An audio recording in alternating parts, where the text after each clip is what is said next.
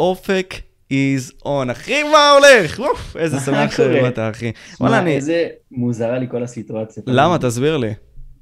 כי, כי פתאום אה, לדבר למצלמה, אתה מבין? אני אמנם רואה אותך, אבל, אבל זה, זה מרגיש לי כמו לחזור ליוטיוב ממש. זה אחת הסיבות שבגלל מתרגשתי מאוד לעשות את זה. אבל הפרעתי לך, תמשיך, תמשיך. לא, אז זהו, אחי, וואו, קודם כל, אני עוד זוכר אותך מהאנשים, מהצופים שקוראים לך רוכב הטרנדים, כל מיני כאלה, אתה זוכר את נכון, העניין הזה? בטח. ו... תקופות טובות. תקופות טובות, כן, והתחלת את יוטיוב, היית ממש מצחיק, היית עוף מוזר שונה כזה. ואני חושב שזה למה הרבה מאוד אנשים אהבו אותך. בגלל העוף מוזר הזה, בגלל שהוא משתף את המשפחה שלו גם בסרטונים, בגלל הרבה מאוד דברים כאלה. בוא תכנס כן. איתי לבכלל, למה פתחת את הערוץ הזה, אופק איזון? כלומר, מה היה החשיבה ואיך התחילה הדרך? כן, אוקיי, אז אני אגיד לך רגע, עליי באופן כללי, אני כל מה שקשור בדיגיטל ובכפתור של פלוס ובכפתור של ליצור לחדש, כפתור של פרסם, של פאבליש, אני, אני, זה, זה פשוט, זה פשוט עושה לי צמרמורת בגוף, תמיד אהבתי ליצור דברים שקשורים למחשבים. אמ, לא אשכח, אני ואחותי התאומה, יש לי אחות תאומה, היינו רואים איי קרלי, ממש באופן קבוע, ונדלקנו מהרעיון הזה של, של חבורה של ילדים שעושים אתגרים כלשהם, מעלים את זה לרשת, ואתה יודע, מן הסתם איי קרלי זה, זה משהו מומצא כזה, כן, אבל... נכון.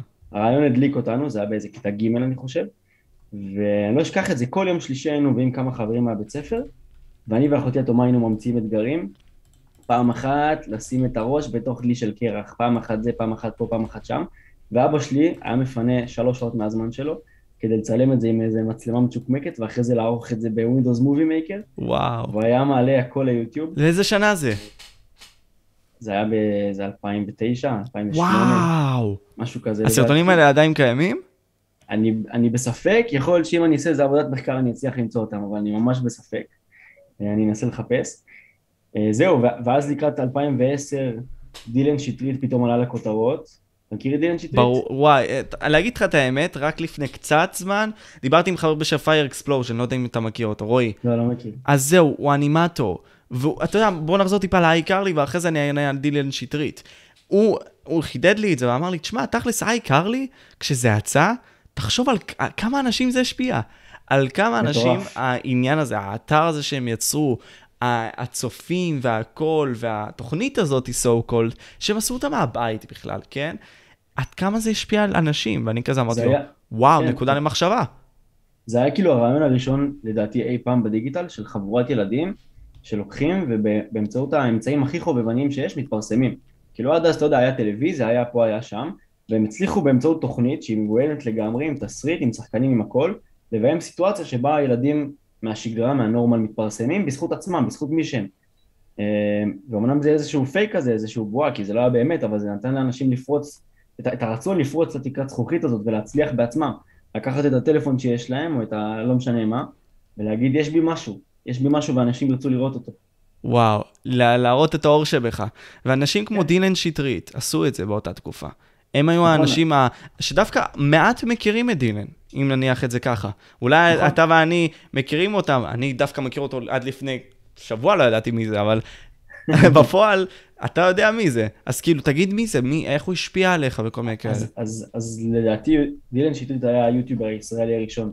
בסדר, איזה מיתוס כזה, איזה אגדה, היום לא שומעים עליו, כי הבן אדם התנתק מהרשתות החברתיות באיזה, באיזה לילה, כאילו, ופתאום לא שמעו על הבן אדם.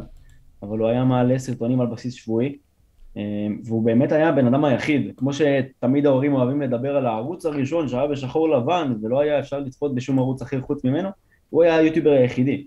כולם היו רואים רק אך ורק אותו. אני, אני פשוט זוכר בערך ב-2010-2011, אני וחברים שלי היינו, היינו מטורפים עליו, כאילו היינו מחכים לבו, ל, ליום שבו הוא יעלה סרטון, היינו יושבים כולנו ביחד, כל אחד מול המחשב שלו, ורואים את הסרטונים שלו. אה, זה ככה היה ב-2010. 2012 התחיל גל מטורף של ליפסינגים, רועי, ומיש, אה, רועי ומישל, והיה עוד... אה, רועי כפרי אנחנו מדברים, נכון? לא, לא, לא רועי כפרי, אני, אני אשלח את הכל אחר כך, אבל היה גל של, של זה אפילו לא היה יוטיובירים, זה היה, לא היה לזה הגדרה, אלא היו פשוט אנשים שעושים ליפסינגים, ישראלים. היה...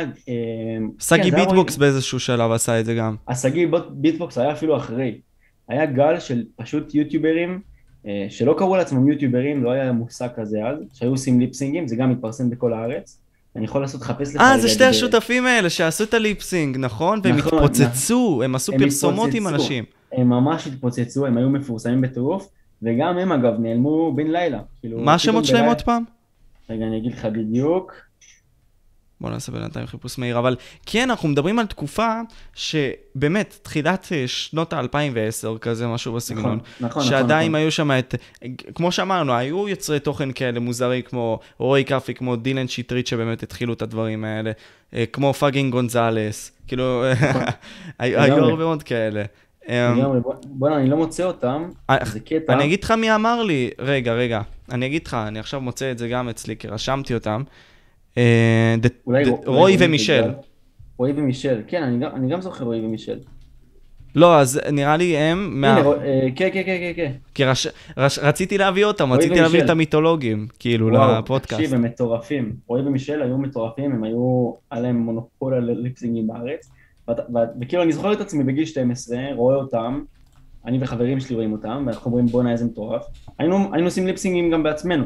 אני ועוד חבר היינו עושים ליפסינגים, היינו ממש איזה, מעלים איזה שלושה סרטונים ביום של ליפסינגים, זה היה הכי חובבני והכי גרוע בעולם. אה, ואני לא אשכח שבאיזה גיל, כשהייתי בן 12, איזה ילד, לדעתי הוא היה בגיל שלי, זיהה אותנו, אותי ואותו, כשאנחנו, כשאנחנו ברחוב, והייתי בשוק, הייתי ממש בהלם. אה, היו עוד כמה ניסיונות לחזור ליוטיוב מאז, זה לא הלך כל כך, ואז הפעם הבאה אחרי הייתה, הייתה, הייתה באמת הפעם שהתפוצצה, כאילו עד אז היו לי כל מיני ניסיונות לא מוצלחים כל כך לחזור ליוטיוב, אה, וזה תמיד היה בפרקים כאלה של מנסה מנסה, לא מצליח, מגיע לאיזה 200 רשומים, מתייאש ופורש. אה, ובחופש הגדול של בין י' לי"א החלטתי שאני לוקח את זה ברצינות. השקעתי את כל החופש הגדול בלהעלות סרטונים, אה, וממש פחדתי מה, מהלחזור ללימודים, כי, כי אמרתי, מה, אני עם 500 רשומים, אה, מה, מה קורה איתי? בוא נסבר לאנשים את האוזן. באיזה תקופה אתה אומר שהיה לך 500 רשומים? בין י' לי"א זה היה בין 2015, בין 2016 ל-2017. גם לי היה את המספר הזה של העוקבים. זה היה לא מעט בכלל. בתקופה זה היה לא מעט ש-15,000 בכלל. זה היה הרבה. נכון, זה- 15,000 היה המון, אבל, אה, אבל גם, גם עם 500 רשומים הרגשתי לא בנוח לחזור ללימודים. לא יודע להסביר לך את זה, זה, זה קטע של חוסר ביטחון עצמי כזה, ב, ב, ב, כאילו של, של הפחד שיצחקו עליך, של הפחד של כאילו מה, מה אתה עושה. מה אתה חלאס. אומר? ככה זה היה טאבו, כאילו, להיות יוצר תוכן. נכון, זה היה ממש טאבו, זה לא כאילו, אני, זה, זה מטריף לי לחשוב על זה, אבל זה לא כמו היום שכל אחד מעלה סרטונים בטיקטוק וכולם רואים את כולם כזה וזה בסדר וזה לגיטימי. זה היה, זה היה מוזר לעלות סרטונים ביוטיוב, אלא אם כן אתה מצליח, ואז יש לך לגיטימציה, כאילו תעשה מה שאתה רוצה. ואני לא אשכח ששבוע לפני החזרה ללימודים, התחיל איזה אתגר חדש בחו"ל, של ליריקס פרנקס, בגדול אתה שולח אה, משפטים, שירים אה, בינלאומיים או בישראל אה, לבן אדם כלשהו בוואטסאפ, ומחכה לתגובות שלו, אתה שולח שורה ממשפט, הוא שולח תגובה, אתה שולח, ובגדול הוא לא יודע שאתה, שאתה, שאתה עובד עליו. זה התפוצץ בחו"ל, אני ורועי דאלאס אה, היינו חברים טובים באותה תקופה, התחלנו להיות חברים טובים, היינו באיזה קהילת יוטיוברים כזאת, ואני והוא אמרנו, יאללה, מביאים את זה לארץ. כאילו, אנחנו נהיה הראשונים בארץ, נתפוס את הפינה שלנו בטרנד הזה, וככה נתפרסם. אה, זה היה שבוע לפני תחילת הלימודים, בראשון בספטמבר כבר היו לי 2,000 רשומים. זה היה, זה היה משהו כזה. ושבוע אחרי זה היו לי כבר 7,000. כאילו, זו הייתה קפיצה מטורפת, שלא הצלחתי לקלוט אותה. כי קפצת לטרנד שהוא היה בחו"ל והבאת אותו לארץ. קפצתי על הטרנד וקפצתי בשניות, לא הייתה לי איזה עלייה מגמתית אה, מתונה כזאת. עליתי כל החופש הגדול ל-500, הגעתי לאיזה מיצוב כזה, ואז בום, בשבועיים ל-7,000, זה היה לא נורמלי. אה, וככה הגעתי ליוטיוב. איזה הזוי זה, זה כאילו אתה אומר לי, אוקיי, באתי ובכלל זה מין סוג של משהו שהתבצר אצלי מהמשפחה בכלל, סרטון מסוים והכל. אחרי זה היה אנשים שבאו והסלילו לי את הדרך, כמו דילן שטרית, שהם היו כזה, "אה, וואו, של אותה תקופה. כאילו, אם, רגע, זה עם דה טוק, נכון? זה טוק, נכון? נכון. זה טוק. היה לו לא. ממש תוכנית והוא היה סופרסטאר. עכשיו הוא בכלל מכין כן. סרטים. נכון, הוא עדיין בעולם הזה, אבל, אה, אבל הוא כבר לא, מה נקרא, לא מה שהוא היה פעם. כאילו כן. זה, זה, קטע, זה קטע כזה, אנשים שמתפרסמים במהירות, יש להם נטייה יותר סבירה להיעלם פשוט. כאילו יש להם נטייה יותר סבירה, אה, לא יודע אם לפחד מה, מהדבר הזה שקורה סביבם, סביבם אבל פשוט, פשוט להיעלם, כאילו. זה קרה לרועי ומישל, זה קרה לדילן שטרית, זה קורה לעוד אנשים, זה קטע. כי נראה לי, תקשיב, זה כמו עם אלכוהול בסופו של דבר. למה אני משווה את זה לאלכוהול? כשאתה שותה הרבה מזה, במהירות. הגוף שלך מנסה להסתגל לדבר הזה. אבל בגלל שזה בכמות כזאת גבוהה, בשלב כזה מהיר, הגוף שלך כזה מקבל עלייה fucking פסיכית, ואחרי זה ירידה פסיכית. וככה אתה מקבל את זה, וזה הורס לך את העולם. האמת שזו השוואה נחמדה. לא יודע, סתם המצאתי אותה, לא חשבתי עליה לפני זה, כאילו, אבל זה די הגיוני, אחי. כן, כן, לא, זה קטע. זהו, והאמת שככה הגעתי ליוטיוב, ומשם הדברים פשוט, אה, פשוט נהיו מטורפים מיום ליום. אה, ואני, ואני זוכר שלקראת ה-7,000 רשומים כזה, פתאום אה, שמתי לב שיש לי דמות כזאת. הרי כשאתה, כשאתה מדבר למצלמה, אתה לא אתה, זה לא מי שאתה. אני, אני אופק, היוטיובר זה לא אופק שהוא אותו אופק עם חברים שלו, ואותו אופק עם המשפחה שלו. אתה מתאים את עצמך. לכל סיטואציה.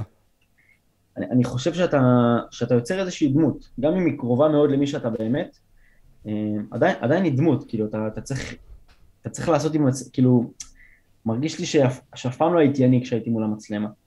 אה, ומרגיש לי שזה קורה לכל אחד, מרגיש לי שכל אחד, הרי תיקח אנשים כמו, לא יודע, נונסטופ גיימינג, נראה לך באמת שהצורה שבה הוא מדבר בסרטונים זה הצורה שבה הוא במציאות? אבל זה, אוקיי, אז בוא נתעכב על זה טיפה. כאילו, מבחינתי זה חלק מהאישיות של הבן אדם.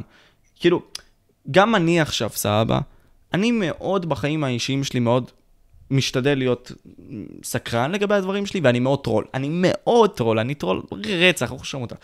בפועל, אני בוחר בפודקאסטים להיות הבן אדם הרציני הזה ולהגביר אותו. אז נגיד אתה בחרת לעשות את הדברים המצחיקים, הדברים הסטלבטנים יותר, והגברת את זה אצלך. אבל זה חלק נכון. ממך עדיין, זה לא שעכשיו הפכת את עצמך לנונסטופ גיימינג. לדעתי, יכול להיות... לא, אתה צודק, כאילו, היא- בוא נגיד, אופק מול המצלמה זה לפעמים אופק שהייתי רוצה להיות. אה, וה- והסיבה שבגללה אני אומר את זה, זה כי, זה, זה לא כאילו, זה לא כאילו אתה הולך לאיזה מקום חדש ומכיר אנשים חדשים והם יודעים מי אתה לפני. זה לא כאילו אני אופק שעלה עכשיו מהחטיבה לתיכון, כולם יודעים מי אני, אני פחות או יותר עם אותם חברים. זאת אומרת, לצורך הדוגמה, בן אדם יפתח את הטלפון שלו, יסתכל על איזה סרטון מומלץ של אופק איזון וייכנס לסרטון הזה.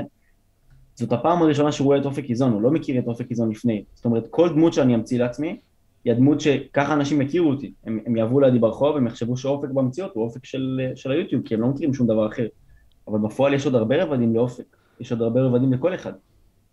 אז אתה אומר לי כביכול, בגלל שהקהל רואה רק את הצד הזה של אופק איזון שהוא אחד ביוטיוב, אז הוא חושב שזה אופק איזון ככלל. כלומר, יש אנשים כמו KSI שהם מי שהם נגיד סתם ביוטיוב, זה מי שהם בחיים האמיתיים.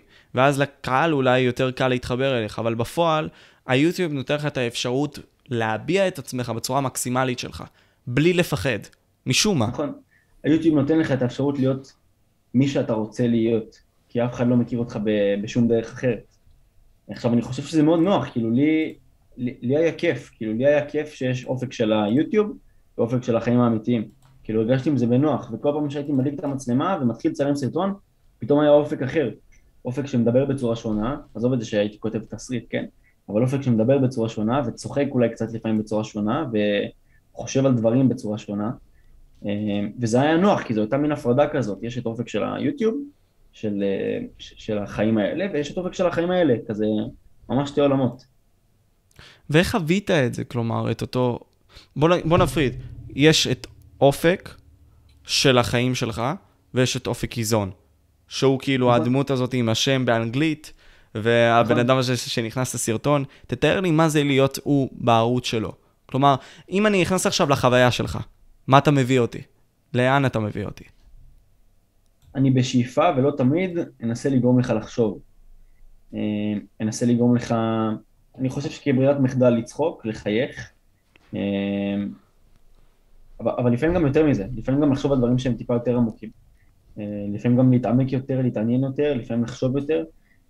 אה, אני, אני פשוט חושב שזו כל המהות שלי, כאילו זה למה התחלתי את יוטיוב, כי...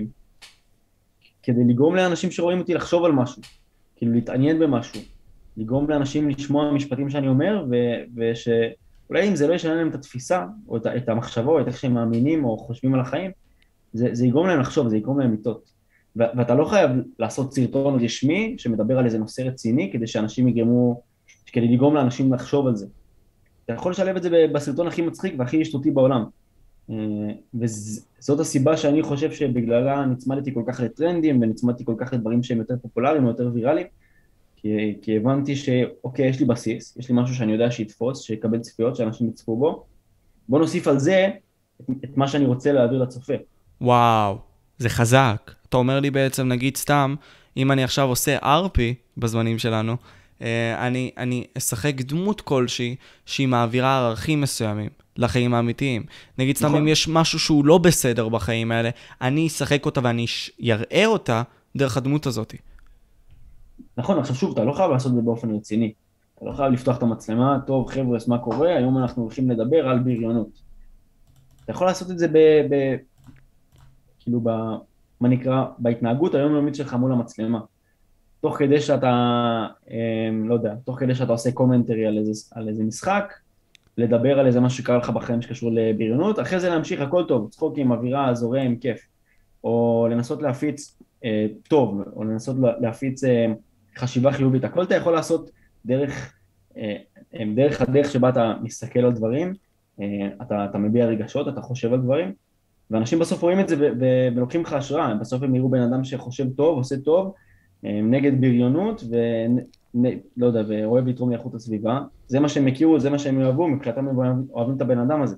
וואו, זה מעניין ממש, אתה כאילו, העלית בי איזשהו רעיון, אם כבר אתה בא וטומן רעיונות. כאילו, סתם דוגמה, אני יכול להיכנס לאיזשהו משחק של תפקידים, משחק, אה, לא יודע, נגיד GTA, נניח, GTA 5, ולשחק את הפוליטיקאי המושחת, ולהראות את הצבע האמיתי של אותו פוליטיקאי באותו משחק, ולעשות את זה כזה קומי. כי, על הז... נגיד סתם, על הזין שלי, האזרחים, אז בוא נתנהג איך שאנחנו רוצים, כן? ואני הדיקטטור הגדול, וכאילו להראות את המציאות שלך עכשיו במדינה שלך, דרך אותם עיניים של המשחק. בדיוק. אתה אומר, אתה אומר מה אני רוצה להעביר לבן, לבן אדם שמסתכל עליי. אז אתה אומר, טוב, יש לי את הדמות הזאת שנקראת אופק ביוטיוב, אז, אז בוא נבנה לה ערכים. כל מה שאני אומר עכשיו זה נשמע רשמי, אבל זה באמת לא, זה דברים שמתווספים עם הזמן. כאילו זה כל מיני דברים, כל מיני ערכים, עקרונות, מחשבות שאתה מוסיף לדמות שלך ביוטיוב, או לדמות שלך מול המצלמה, ככל שהזמן עובר, וזה, וזה מאוד טבעי. אתה אומר, אני רוצה לקדם אה, אווירה שהיא נגד בריונות בבתי ספר, אני רוצה לקדם אה, חשיבה חיובית, אני רוצה לקדם, אה, לא יודע, דברים שקשורים לדיכאון, אה, ולאט לאט אתה, אתה מטמיע את זה, זאת הדמות שלך, זה, זה מין בנדל כזה שאתה, שאתה מדבר עליו, גם אם אתה לא מדבר עליו באופן רציני וגם אם אתה משחיל משפט מדי פעם, זאת הדמות שלך. וככה אתה, אתה גם משחק את מי שאתה רוצה לשחק, את האופק שאתה רוצה להיות, וגם על הדרך אתה מטמיע ערכים, מטמיע עקרונות, מטמיע רגשות, כדי שאנשים אה, יסתכלו עליך ו, ו, ובשאיפה ישאפו משהו. וואו, זה חזק ממש, אחי, כאילו, זה כי...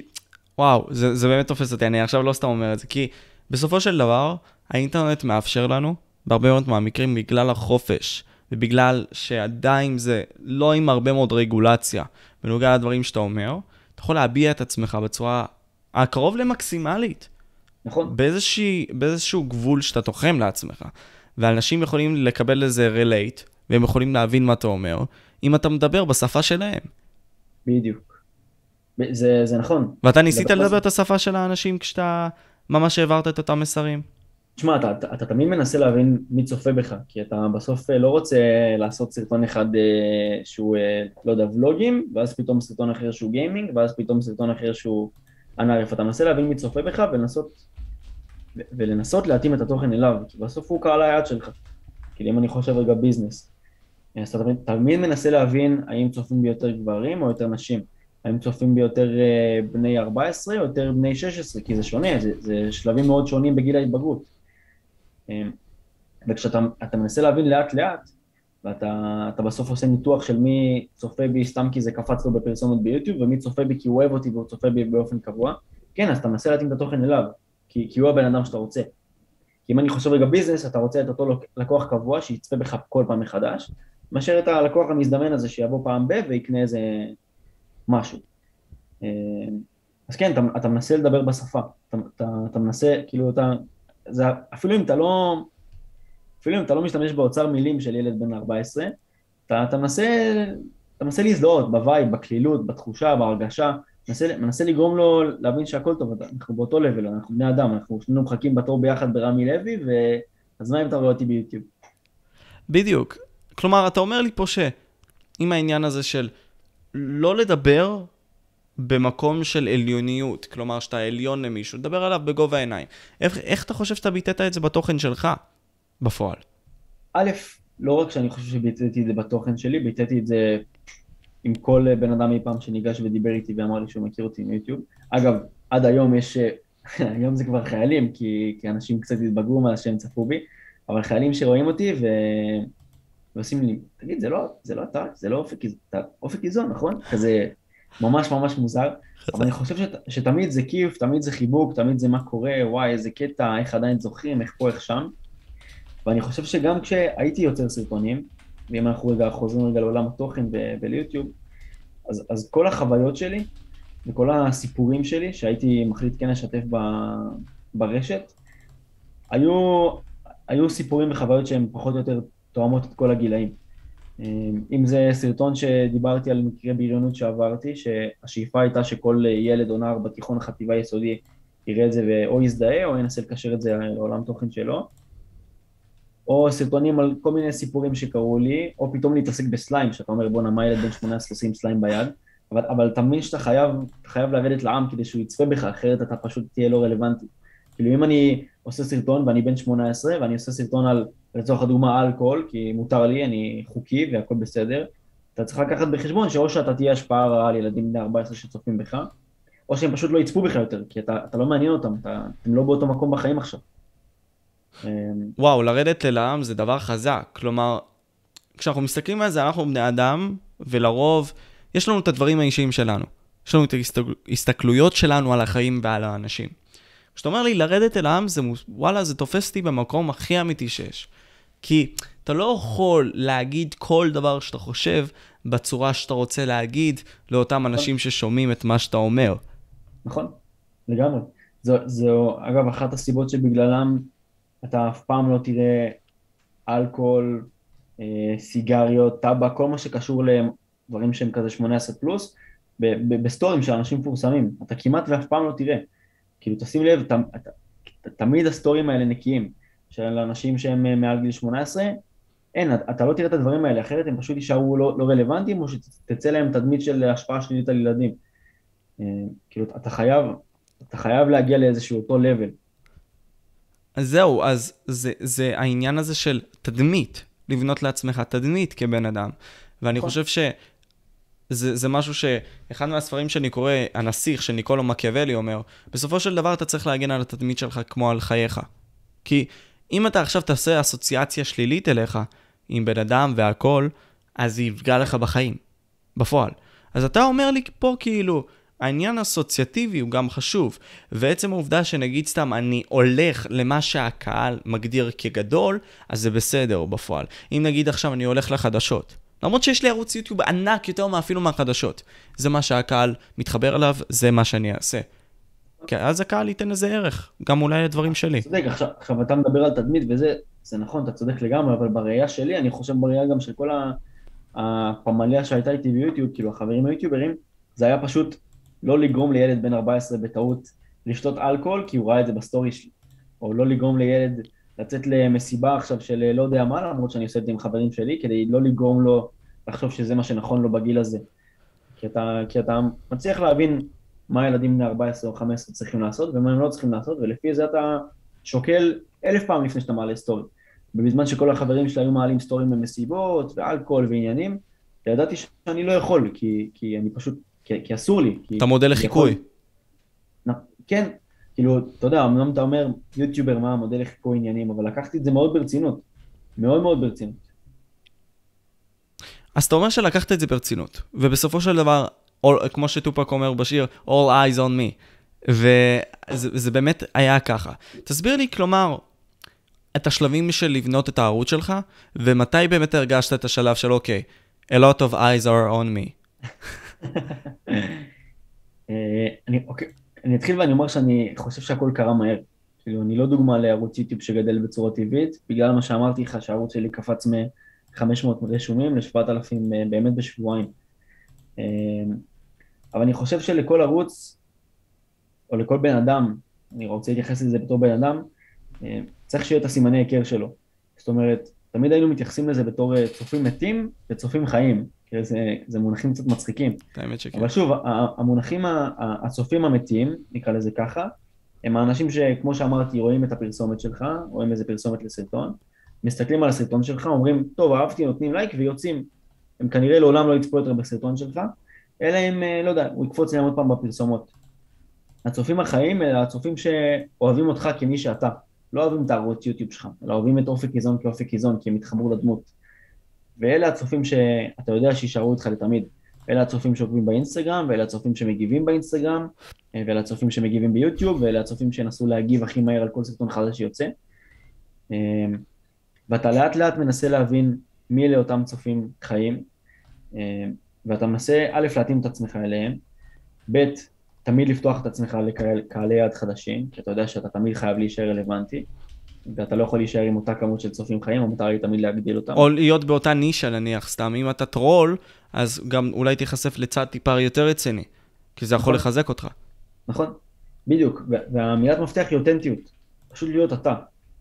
פשוט בכל, בכל דבר שאתה עושה, להיות 100% אתה, לא לנסות, כמו שאמרת, לעלות מעל העם ולהסתכל עליו מלמעלה, ולא לנסות אה, לשקר או לחרטט, אנשים רואים את זה בסוף, כאילו הם הבינו שזה לא אתה. אמ, אז אני חושב לשמור על מי שאתה ומה שאתה, לא לנסות להיות איזה דמות מוגזמת כזאת, אלא אם כן זאת המטרה, איזה פרודיה כלשהי, איזה דודו פרוק כזה. ואז אנחנו כבר מדברים על נושאים שונים לגמרי. אמ, אבל הסימני ההיכר שלך הם מאוד חשובים כדי שתהיה מיוחד, תהיה בולט, תהיה משהו שאף פעם לא ראו. הנישה שלך היא גם חשובה. בסוף הנישה שלי הייתה ולוגים וכל מיני אתגרים או כל מיני סיפורים מהחיים או סרטונים עם החיות שלי או עם האקסיט שלי אז. לא היה לי איזה איזה נישה מוגדרת כזאת, אבל, אבל ידעתי שלא משנה מה אני מעלה, אנשים יראו אותי, כי יש לי את הסימני היכר שלי, וכי אני אותנטי, וכי אני מביא משהו שהרבה אנשים לא מביאים, וכי אני פשוט אני, וכי כמו שאני חושב שבכל סביבה שהייתי בה עד היום אנשים אהבו אותי בזכות מי שאני, אז, אז אין סיבה שאם אני אעלה אותי ליוטיוב, אנשים לא יאהבו אותי. לפחות אני, אני נוטה להאמין ככה. אז כאילו אתה אומר לי, בסופו של דבר, העניין הזה של לבנות את הקהל, זה דבר מסוים שהוא מאוד מעניין. דבר מסוים שהוא מאוד חשוב, ודבר מסוים שחייב להשקיע בו, בכדי נכון. לגדול כערוץ מסוים. נכון. עכשיו, אתה אומר לי שהגדילה שלך הייתה מהירה. אז איך באמת הבנת מה הקהל שלך ומה הוא באמת אוהב? כלומר... לקח לי זמן, כאילו, הפחד, אוקיי, אני, אני אתחיל ואני אומר שפחדתי, כאילו, לגדול מ-500 רשומים ל-7,000, לפחות באותה תקופה, אני ב mind שלי הייתי בסטרס, כאילו אמרתי לעצמי, אני לא יכול לצאת מהבית עכשיו, אני מפורסם, לכל מקום שאני אלך יזהו אותי, הייתי ממש ב mindset הזה, ו... ופחדתי שהסרטון שאני אעלה, הסרטון הבא שאני אעלה, יהיה לא רלוונטי, כי אנשים עקבו אחרי סתם כי אני באיזה סערת טרנד כזאת והיא תחלוף, ואני לא אהיה רלוונטי יותר. אז בהתחלה ניסיתי להישאר עם איזה טרנדים מאוד מאוד גדולים, ניסיתי להישאר רלוונטי, ניסיתי להביא כמה שיותר תוכן, אה, לא אגיד טרש, אבל תוכן זורם, תוכן קליל, תוכן אה, כיף כזה, כדי שאנשים יאהבו, אנשים יתחברו, ואמרתי, אחרי שאני אתבסס, אני אביא את אופק. אחרי שאני אתבסס, אני אביא את הסיפורים שלי, ואת החוויות שלי, ואת הרגשות שלי. ואני חושב שלקרוא תגובות זה מאוד מאוד חשוב. אתה צריך לדעת לסמן את התגובות הפחות טובות ולדעת ולהבין, כאילו, להיות באיזה mind כזה שזה לא משפיע עליך, אבל לקרוא את התגובות כדי להבין מה מעניין יותר ומה מעניין פחות. ו... ולקחת בחשבון ובמלא רצינות ביקורות, כי זה מאוד מאוד חשוב. הרבה מאוד אנשים מנסים לעזור, והם לא מנסים סתם להוריד אותך ולהשפיל אותך. ואתה יודע שאם יהיה את הסרטון והוא לא טוב, ואנשים כתבו את זה, ויש פה איזה יחס מוזר כזה, יכול להיות שהוא באמת לא טוב. לצורך הדוגמה, אני אתן דוגמה. אני ועוד חבר עשינו אתגר, אתגר המלח והקרח, אולי אחד האתגרים הכי מטומטמים ביוטיוב עד היום. בגדול אתה שם שכבת מלח על היד, מדביק קרח, יש איזו פעולת צריבה מוזרה, וזה עושה גבייה. וואי, איזה כואב זה. יש אנשים שאומרים מסיימים בבית חולים. ואני וחבר אמרנו, וואי, איזה מגניב לעשות סרטון כזה ליוטיוב. עשינו את הסרטון הזה ליוטיוב, הוא תפס תאוצה מאוד מהר. ו... ואז פתאום ראיתי תגובות של הורים, שכתבו לי, אני בשוק שהילד שלי צופה בך, איך הילד שלי צפה בך עד עכשיו, איזה תוכן לא מוסרי, איזה תוכן לא חינוכי. וברגע שראיתי הודעה של הורה אחד, מחקתי את הסרטון. לא וואו. לא מחקתי אותו, שמתי אותו על פרטי, אבל, אבל הבנתי שעשיתי פה משהו לא בסדר. והשינוי תוך כדי תנועה הזה הוא חשוב, אחרת אתה, אמרתי לך, אתה, אתה לא רלוונטי. אתה יודע, ראיתי איזשהו מאמר של עידן תלם, שהוא אמר באמת במפורש, כדי שאני אשרוד אני צריך להסתגל. וזה בכל דבר בחיים, תכלס. כלומר, אנחנו יכולים להסתכל על ביזנס ב- בתור סטארט-אפים של איך עולם של יצירת תוכן צריך להיראות. כי בסופו של דבר, דבר בני אדם מנהלים את זה. אז אנחנו צריכים טיפה לנהוג כמו רובוטים, לא כמו בני אדם. אז אם נניח אני מתגייס לצה"ל, אולי אני אמור לתזמן סרטונים לזמן של הטירונות, במקום למות, אה, לחלופין, סתם דוגמה. אה, נכון. אולי להסתגל כל הזמן, זה מאוד לא קל, אבל אתה צריך להיות on the trend בשביל להבין את הצופים. כי נכון. בטיק טוק התרבות משתנה מיום ליום מבחינת הטרנדים. זה למה אנחנו, אנחנו מתחרפנים, אנחנו עדיין בקשר כל החבורה של היוטיוברים, ומדי פעם עולה לנו איזה, איזה פרץ של מוטיבציה כזה שאנחנו אומרים יאללה חוזרים ליוטיוב, חוזרים ליוטיוב, אבל אנחנו מבינים שא' יוטיוב כבר לא רלוונטי, וב' מי שכן מנסה להישאר רלוונטי ומעלה סרטונים בטיקטוק, הייתה לי תקופה כזאת, אתה לא, אתה לא עומד בקצב, אתה לא מצליח לעמוד בקצב, כי זה, זה לא מחולק לנישות יותר.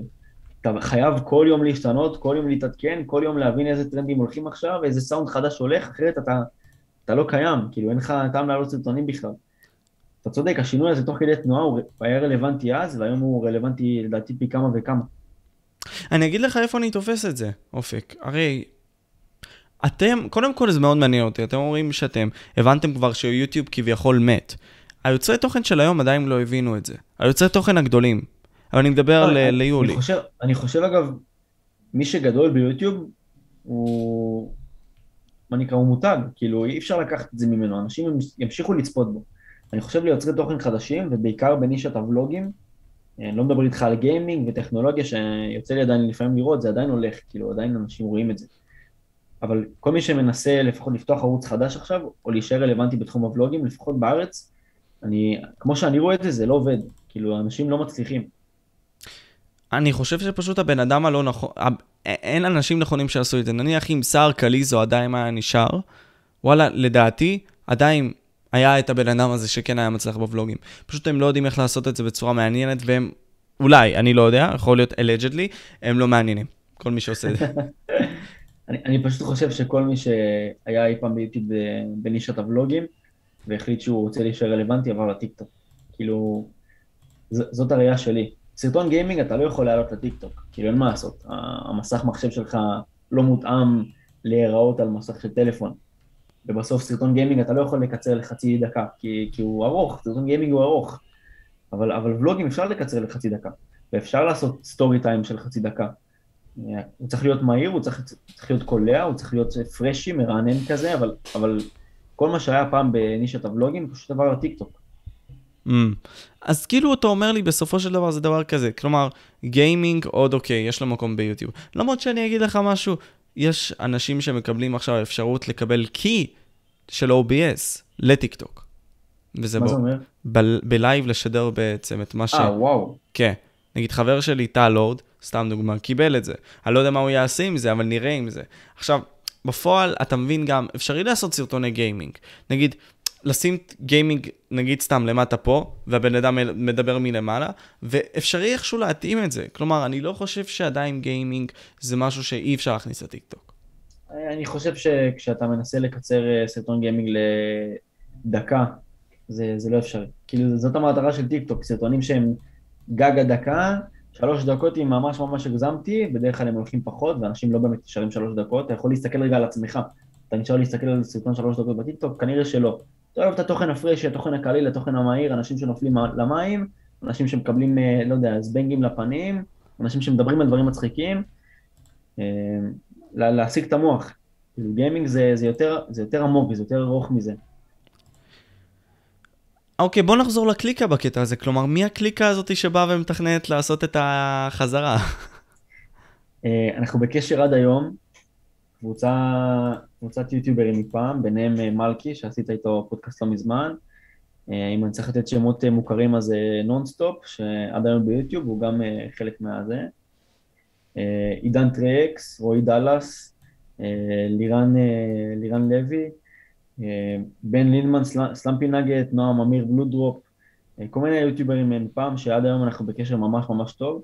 היינו בקשר מעולה פעם, היינו מארגנים אה, מפגשים של צופים ויוצרי תוכן פעם בכמה חודשים שהיו ממש ממש הולכים, ועד היום אנחנו בקשר בקבוצה שלנו בוואטסאפ, ומדי פעם אנחנו, יש לנו איזה פרס מוטיבציה כזה שאנחנו אומרים יאללה, אנחנו חוזרים, לא כולם, כן, אבל חלק אומרים יאללה, חוזרים ליוטיוב, ואתה טועה עם עצמך הרבה, כי אתה אומר בואנה, אני בן 22, האם אני עדיין רלוונטי? אתה לא רוצה להישאר הבן אדם הזה ש... שמנסה להשאיר את עצמו בכוח רלוונטי, כי זה אף פעם לא כיף. ואתה אומר לעצמך, טוב, אם, אני, אם יש לי עדיין פוטנציאל להיות רלוונטי, אז, אז מה, באותה נישה שהייתי בפעם, כאילו התבגרתי, עברו חמש שנים מאז, אני אמשיך לעשות את, את אותם סרטונים שהייתי עושה לפני חמש שנים. אתה, אתה חושב הרבה, כאילו, אני, אני, אני אומר לך, אני בעצמי חושב, כי אני רוצה מאוד לחזור ליוטיוב, ואני אומר לעצמי, א', האם יהיו לי צפיות בכלל, ב', מה, מה, מה אני עושה? איזה, איזה ערך אני יכול להביא לקהל עכשיו? זה משהו שמעסיק אותי הרבה. שמע, בסופו של דבר אפשרי לעשות דברים מטורפים. אני דיברתי על זה היום עם אנדר, בכללי, בפודקאסט שעשיתי איתה, ו... עם מי? עם אנדר? כן, עם אנדר. לא מאמין לך. כן, כן. זה הפודקאסט עם אנדר? וואו, כן. זה מעולה. כן, אז, אז, כי עוד פעם, אני מנסה להביא את אותם קולות, מצידי אפילו, אני, אני אדפוק בדלת של דילן שטרית ואביא אותו לפה. אני בחיי, אני, עוד, את כל האנשים האלה אני באמת אנסה. אני אסביר לך מה. השפה השתנתה, אבל הבסיס הוא אותו דבר. מה הכוונה? לי ולך יש את אותם יצרים כמו לכל בן אדם אחר. אתה פשוט צריך להתאים את זה לשפה שאני אבין אותה. אם אתה מדבר איתי, אני רוצה להבין את הסלנג שלך. בן אדם שלפני 20 שנה לא יבין מה אני אומר עכשיו, אז הוא צריך להתאים את עצמו. אתה מבין? זה למה הרבה מאוד הורים נמצאים עם טלפונים, אחי, בזמן, בגלל שהם רואים אותנו, אחי, בטלפונים והכל. אז מה שאני מתכוון פה להגיד זה דבר כזה. go and fucking do it, אחי. אם ביוטיוב הצלחת, כאילו, תתאים את השפה שלך פשוט אליהם, ומבחינת פשוט ה drive, אחי, fucking תעשה. תעשה מה שהאחרים בחו"ל עושים, בנישה שלך. אמרתי את זה גם לאנדר, ואני יודע את זה כי דיברתי עם כל כך הרבה יוצרי תוכן. תלך על הנישה הזאת, תתפקס בה, תראה מה הם עושים בחו"ל, תעשה את זה, תעתיק את זה, עד שבסופו של דבר תמצא את הסטייל שלך. תעשה את ה tweaks האלה פה ולשם, עד שאתה תבין מה הולך לך, תעשה את זה, אחי, אין סיבה שלא. אתה מדבר על הטיקטוק או על היוטיוב? אני מדבר גם וגם, אחי. תכלס, טיק טוק, אתה יכול למחזר את זה ל Shorts, ובפועל, תוכן זה תוכן. אנשים והקהלים שונים בשני הפלטפורמות. נכון. מרגיש לי ש... שערך בסרטון יוטיוב הוא גדול פי כמה וכמה מערך בסרטון טיק טוק. מרגיש לי שלרוץ עכשיו בטיק טוק אחרי הטרנד הבא ואחרי הדבר הוויראלי הבא זה פשוט מעמסה נפשית לא נורמלי, אני הכי כנה וזקן שיש. אה, ואני לא אשקר, אני רוצה למצוא את הפינה החמה הזאת, את הנישה הקטנה הזאת שאני אוהב, אה, ותהיה לי מוטיבציה ורצון ורגש חזקים לדבר עליה, ו, ו, והמחשבה שאנשים יצפו בי, המחשבה של, של עדיין להישאר רלוונטי ולא לא בכוח, כי לא חייב בכוח, כאילו, אתה רואה, רוב היוטיוברים של פעם כבר לא נמצאים היום, כל היוטיוברים הגדולים שביססו את הקהילה כבר, כבר לא כאן. חוץ מאולי דוד טובוף וסטינגר ישראל. נכון, כי, כי הם הבינו ש... כי, כי הרבה אנשים מבינים ש... טוב, אולי זה אהבת נעורים כזאת, ואני צריך להתקדם עם החיים שלי, ו... ו... ואני לא רוצה... אני לא רוצה להיות... אמרתי לך, אני לא רוצה להישאר רלוונטי בכוח. אני לא רוצה לדחוף את עצמי. אני רוצה, אני רוצה להיות... אני רוצה שיצפו בי בזכות מי שאני. ולא כי, אה, הוא אופק היוטיובר ופעם הוא היה מפורסם, אז בוא נצפה בו עכשיו. וזה הרבה חושבים שאני צריך לעשות עם עצמי, וכמו שאמרת באמת, אולי להתאים את עצמי לכל מיני פלטפורמות, זה משהו שיכול לעזור. תשמע, בסופו של דבר, ואני מסתכל על זה עכשיו, אתה יודע, בתור הבן אדם הרעב הזה, שעכשיו יוצר את התוכן, יש לי איזה 50 פודקאסטים שעוד לא העליתי. כי אני, אני בטירונות, אני רוצה לתזמן הכל, באמת חשוב לי. אתה מציב לעצמך את המטרה הזאת, מכוון אליה. נגיד, אתה רוצה עכשיו ל- להשפיע על אנשים. בתוכן הספציפי הזה שאתה אוהב, אתה יודע מה הנישה. אתה בוחר לבנות את כל החיים שלך סביב העניין הזה שאתה תגיע להצלחה שם. אם זה באמת מה שאתה רוצה, אחי, בתור ביזנס. אם אתה לא רוצה וזה תחביב, אחי, do it, אחי, ואל אל תצפה למשהו. כמו בכל דבר. אז כאילו פה אני אומר שגם אנשים, אחי, שבאים ולא נמצאו בפלטפורמה כל כך הרבה זמן, יש ידע עצום. ויש לך את הידע של יצירת תוכן. יש לך דברים, והבנה, של יוצרי תוכן מהטיקטוק כן. אתה יכול ללמוד, אחי, את זה. אפשרי ללמוד, זה קל ללמוד את זה. מה? אתה צודק שאת הבסיס יש, אבל, אה, אבל שוב, זה, גם נגעת בזה עכשיו, זה ההפרדה הזאת בין, אה, בין תחביב לעבודה. אני, אני פרשתי ביוטיוב חצי שנה לפני הגיוס שלי, לא כי התגייסתי, כאילו, ואמרתי, טוב, אני מפסיק חצי שנה לפני הגיוס, אלא פשוט כי הגעתי לאיזה נקודה כזאת שהבנתי ש...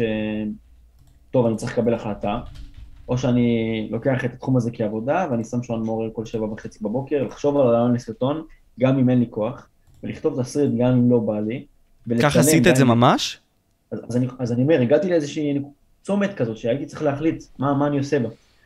אמ, או להשאיר את זה כתחביב, ולהעלות סרטון כשמתחשק לי, אמ, ולערוך כשבא לי, גם אם זה בהפרשים של שלושה חודשים, כי שלושה חודשים לא בא לי להעלות סרטון.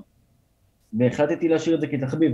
אגב, בניגוד להרבה אנשים אחרים שאני מכיר שעד היום משאירים את זה כמקצוע, ועושים את זה גם אם לא בא להם, כי זה העבודה שלהם, זה מקור ההכנסה שלהם. אמ, וזה עוד משהו, כאילו תחשוב על, תחשוב על סיטואציה שבה בן אדם מעלה סרטון כל חצי שנה.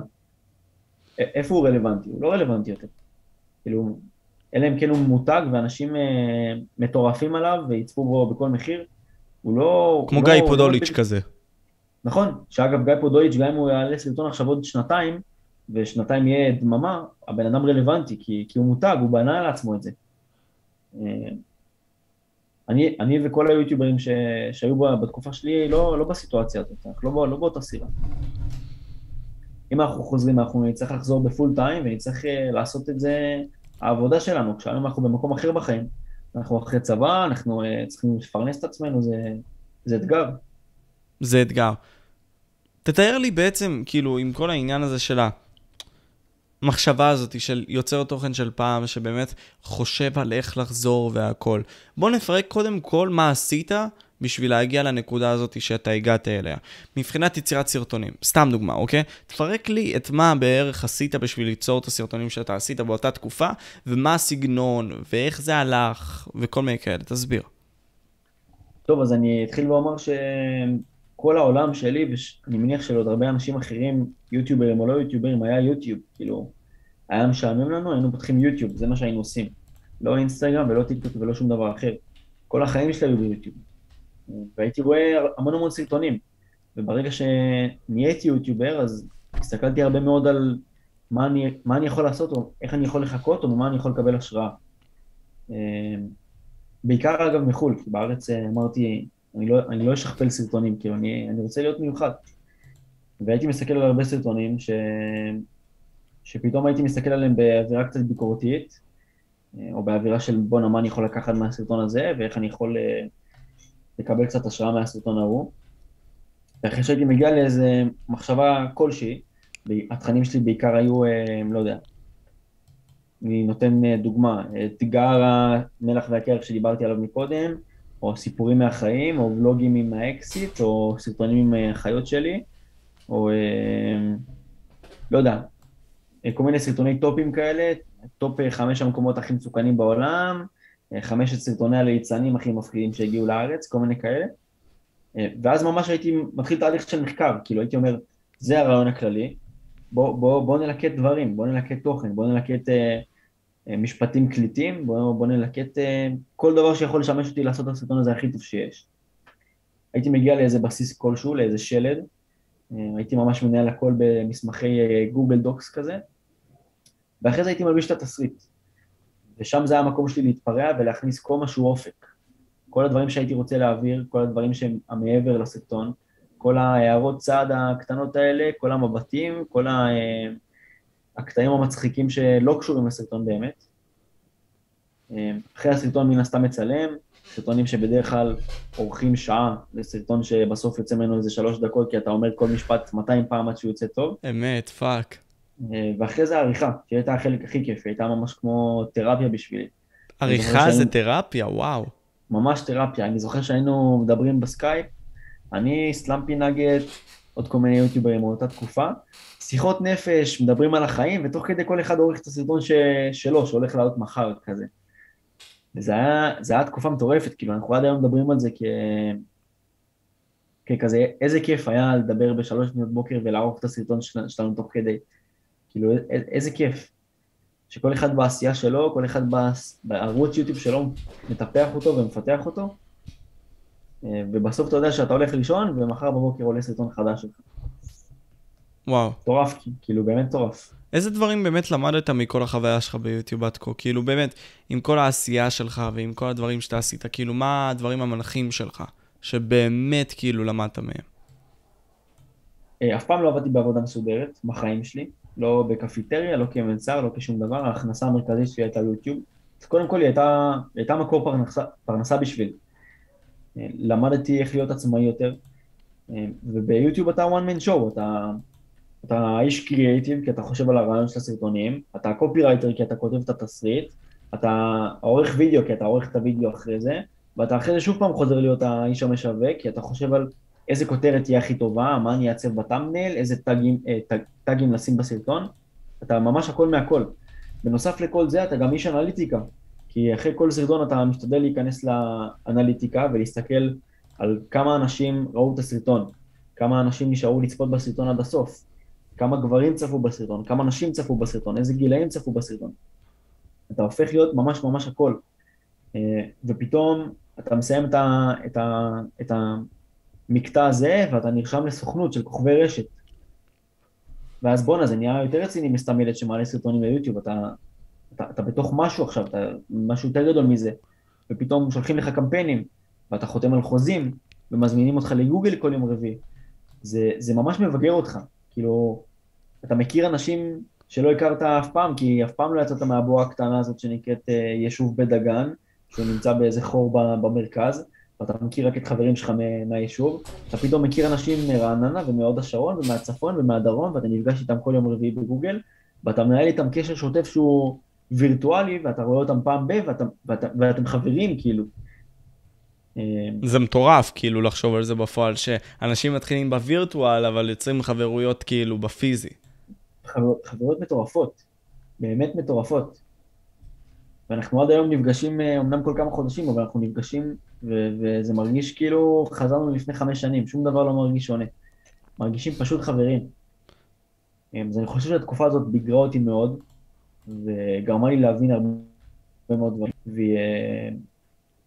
והיא אולי לא כרטיס ביקור, אבל היא נקודת פתיחה להרבה מאוד מקומות. כאילו, אני, אני מגיע לכל מקום חדש שאני הולך אליו, ואני גאה להגיד שהייתי יוטיובר, כי זה מחזיר אותי עוד פעם למרכז העניינים כזה. אה, היית יוטיובר, מה, 50 אלף רשומים, איזה מטורף, איזה יופי, תראה לנו את הזה.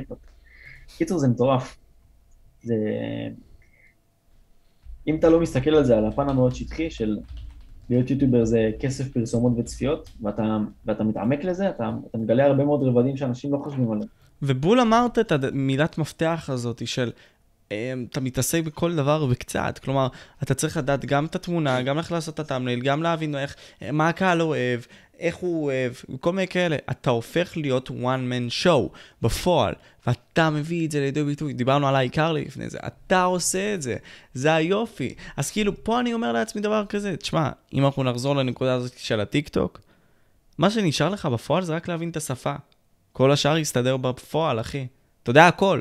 כל ה... אם, אם אנשים מהטיקטוק היו עוברים ליוטיוב, הם לא היו יודעים מה לעשות בפועל, כי זה שונה, זה חיה אחרת. נכון, אגב, הייתה תקופה שהייתי בטיקטוק, והיו סרטונים שהלכו יותר, היו סרטונים שהלכו פחות, אני פשוט, אני לא...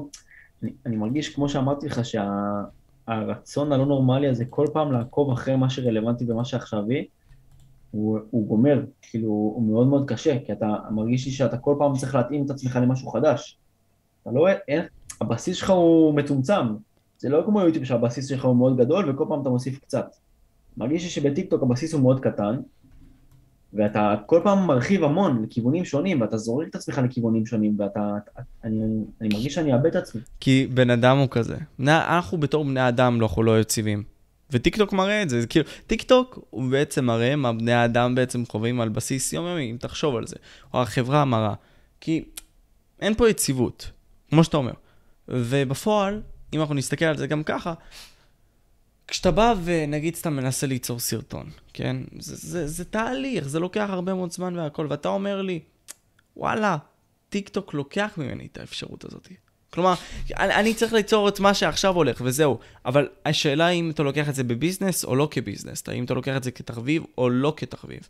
כאילו, שאלה היא לי אליך, אתה בפועל, אם אתה עכשיו חוזר, זה ביזנס או לא ביזנס?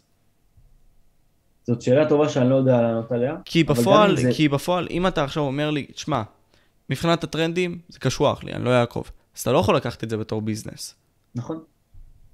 נכון, אבל, אבל שוב, אתה אומר, כאילו, זאת אומרת, יש אנשים בטיקטוק שהם בטיקטוק והם לוקחים את זה לא כביזנס, כי זה כיף להם, כי זה פשוט להם, כי זה זורם להם.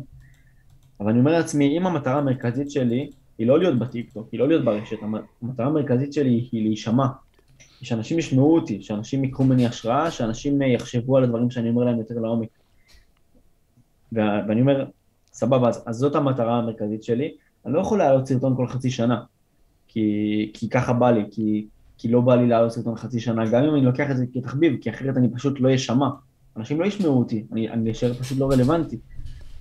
לא יודע. הייתה לי תקופה, הייתה לי תקופה של uh, חצי שנה כמעט, שהייתי מעלה סרטונים לטיקטוק, יש לי ערוץ עם איזה, uh, יש לי חשבון עם איזה 20 אלף רשומים כמעט, שהייתי מעלה uh, משפטים, משפטי חוסר מוטיבציה. כאילו הייתי רואה משפטי, משפטי מוטיבציה כאלה עם מוזיקה מרגשת וזה, והייתי אומר לעצמי, בוא'נה, איזה מצחיק היה אם כאילו, אם היה משפטי חוסר מוטיבציה. והתחלתי עם זה כזה ממש לאט, וידעתי שזה הולך להיות ויראלי, כאילו, הי, הייתי בטוח בזה במאה אחוז, השאלה היא פשוט מתי. ואני זוכר שהייתי מעלה סרט, שלושה סרטונים ביום, משפטים בסגנון של אה, זה אף פעם לא מאוחר מדי ללכת לישון, אה, או אה, לא יודע, יש אלף דגים בים, ואף אחד מהם לא רוצה אותך. כל מיני דברים כאלה מצחיקים ש, שאמרתי, זה בטוח הולך לתפוס, וזה תפס ממש. ואז אנשים רצו לדעת מי עומד מאחורי העמוד ומי נמצא שם מאחורה, ואני חושב שזה ערוץ עם היחס צפיות לייקים הכי מטורף שהיה לי בחיים. מה כאילו, אתה אומר? שלושת אלפים צפיות ואלף לייקים, כאילו משהו מטורף, איזה אחוז פסיכי כזה.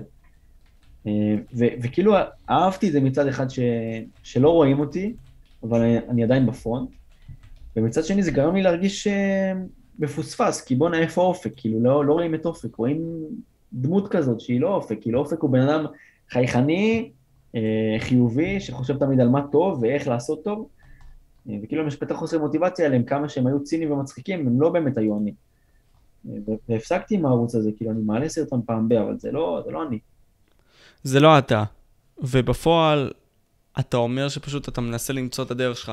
כאילו בסופו של דבר מרגיש לי פשוט שהיוצרי תוכן של פעם כזה רואים מה, מה הפך עולם יצירת התוכן להיות. והם כזה fuck, אוקיי, זה פספוס. נגיד רועי דאלאס בא ומדבר איתי ואומר לי, תשמע, אני תכלס הייתי ה fuckboy הראשון, הייתי ה Viner הראשון, הבאתי את זה לארץ, אני הייתי הטיקטוקר הראשון בפועל, יכולתי להיות, אבל לא עשיתי את זה. וזה נכון. הבאסה, אתה מבין את זה. נכון, נכון, ואני רואה גם, אנחנו בקשר טוב אני בדאלאס עד היום, ואני, ואני רואה שהוא מעלה טיקטוקים, אבל אני רואה שמשהו שם לא מצליח, כאילו אנחנו... זה מצחיק כי, כי בוא'נה, היינו ביוטיוב לפני חמש שנים, אבל מרגיש שכאילו עבר עבר דור שלם, כאילו, אני מרגיש שאנחנו לא, אנחנו לא בלופ. לגמרי, לגמרי, אחי. אתם, תרשה לי להגיד, אתם באמת לא בלופ. כאילו, אתם באמת לא בלופ, אבל זה, זה לא משהו שהוא קשה לעשות. ו- וחשבתי על משהו שאני אולי אגיד לך אחרי השידור, שיכול להיות ממש מגניב, ממש מגניב, שעל העניין הזה, כמו שקפץ לי. Uh, אם, אם אנחנו נזכר על זה, אני אגיד לך. בפועל, קפץ לי משהו אחר. דיברת על העניין של השיתופי פעולה שנעשו לך בדרך. חברויות, בכללי קשרים מסוימים שבנית. בין אם זה עם דאלאס, עם רועי דאלאס, בין אם זה עם סלאמפי נגץ בן לינדמן. בכללי עם הרבה מאוד אנשים. ואתה אמרת לי בהתחלה, כשלפני שהתחלנו את הפודקאסט, על לויס פיטנס. וסתם, כאילו, מעניין אותי, כאילו, איך זה היה לראות... fuck, אחי. מה קרה? אתה ראית את האכזבה בעיניים שלי? כן. זה, שנייה, התנתק לי. רגע. סגור. אה, רגע. אה, מה שרציתי להגיד זה דבר כזה. רציתי לעשות, אני עכשיו מארגן משהו של טיק טוק ויוטיוב. כלומר, פאנל היוטיוברים הכי גדולים והטיקטוקרים הכי גבוהים. אני חושב שזה יצא לפועל, יש מצב. שבו אני מביא נגיד את רונן ג'י ג'י, פדיקסול, כל מיני כאלה. אה, מגניב. ומביא את הטיקטוקרים הכי גדולים, דניס טל וכל מיני כאלה. אז חשבתי לעשות את זה גם עם יוטיוברים של פעם ויוטיוברים של עכשיו. וואי, חזק. זה רעיון טוב. כן. זה רעיון טוב, כי אני חושב שרוב היוטיוברים של היום הם גם היוטיוברים שהיו פעם, ואז פתאום אה, רגע להבין איזה תהליך הם עשו כדי להישאר רלוונטי. בדיוק, להביא את הלל פרודי, להביא כאילו כל מיני מובחרים מאותה תקופה, נכון. ויכול מטורף. אגב, כמו שזה נראה, הלל פרודי עכשיו חוזר ליוטיוב, לא יודע אם שמת לב. כן, הוא דיבר איתי, הוא היום רוצה להתחיל פודקאסט, אחי. הוא לקח, אחרי הפודקאסטים שאני עשיתי איתו איזה ארבעה, הוא אמר כזה, תשמע, לקחתי השראה. יאללה, אני גם עושה. אשכרה. כן, וחי, וחי. גדול. אתה מבין? אז כאילו, הדברים משתנים, וזה הזוי. נחזור לשאלה, כי אנחנו אחרי זה נחזור אולי לעניין של הלל והכל. כאילו, בפועל, לויס פיטנס, סתם דוגמה, כן? הכרת אותם כשהם היו ממש בצעירות שלהם מבחינת כמות הסאבים. איך זה היה באמת לראות את אותם אנשים שהם כאילו למטה, אבל אחרי זה קופצים למעלה רצח? כלומר, איזה דוגמאות, נגיד, סתם אתה נתקלת בהם, שקרו כאלה? נגיד, סתם לויס פיטנס היא דוגמה אחת כזאת. אמ, אני חושב שהמטרה של כל יוטיובר ש...